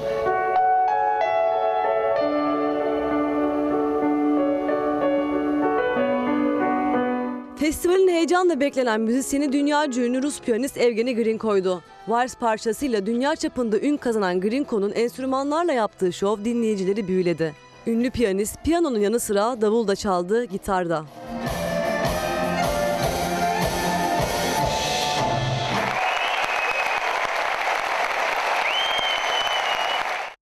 Bu da Beyza Gözeyik haberiydi. Eline sağlık efendim. İşte Antalya'dan o annemiz ben evlat acısının ne olduğunu bilirim diyor. Ama onun güzel evlatları ona bakmaları için bir güzel evlat yetiştirmiş torunu çok hayırlı bir evlat. Ayten anneyi ve ailesini selamlıyorum. Ve oradan ikinci sırada Diyarbakırlı bir aile sizin katkılarınız için diyor. Teşekkür estağfurullah dedim görevimiz. Çocuklarımıza dedim ki çok okumanız gerekiyor. Diyarbakırlı Antalya'da aile Antalya'da yaşayan bu aileyi de sevgi ve saygımla selamlıyorum. Çocuklara düşen görev çok okumak. Ve benim hemşerilerim Salihlili üreticiler, tarımcılar orada fuara gelmişlerdi. Onlarla da tarımı, Salihli'yi, Gördes'i, Göl Marmara'yı benim bizim oraları konuştuk efendim. Biliyorsunuz ben Simavlıyım. Ve yeni çıkan kitaplar Bir Hayat Yolcusunun şiir kitabı Osman Gezmek. Yedinci katı Dolunay'ın Emre Eş'ten geldi bir şiir kitabı. Sevda Yarları Umut Yazıcı. Bir sade kahve içip hemen geliyorum hemen. Yeni bir ay, Aralık ayı ve kış geldi. Birbirimize yaslanarak, birbirimizle dayanışma içerisinde bu zorlu günleri, soğuk zamanları geçireceğiz efendim. Ve mutlaka kitap okuyacağız. Ve tutku bir aşk yarattı Metin Kaya imzalamış, yollamış. Öznil Erdem işte, işte senin olanı isteme zamanı. Uğur Tezcan, kendisine çok teşekkür ediyorum. Çok nazik bir şekilde yazmış, yollamış bana. İTÜ, Profesör Doktor Selahattin İşli Çocuk Korosu'ndan bir eser geldi. Ve Hakan Dedeler Erdal Yapıcı. Onlara da çok teşekkür ediyorum. Bu hafta Hilmi Yavuz haftası dedik. Benim için özel, çok etkilendiğim şiirlerinden bir tanesi. Akşam en güzel masaldır. iyi anlatılırsa. Doğru olan her şeyde biraz öfke, biraz yılgınlık vardır der bir kıssa. Cam incelince, cam incelince şarap da incelir. Yaşam acıdan kırmızıya, ölüm hüzünden beyaza ve bir gül gelirse bu yol ayrımından gelir. Mutlaka ve nasılsa. Kendi elimizle kurduğumuz gurbetten daha zor bir sürgün yoktur.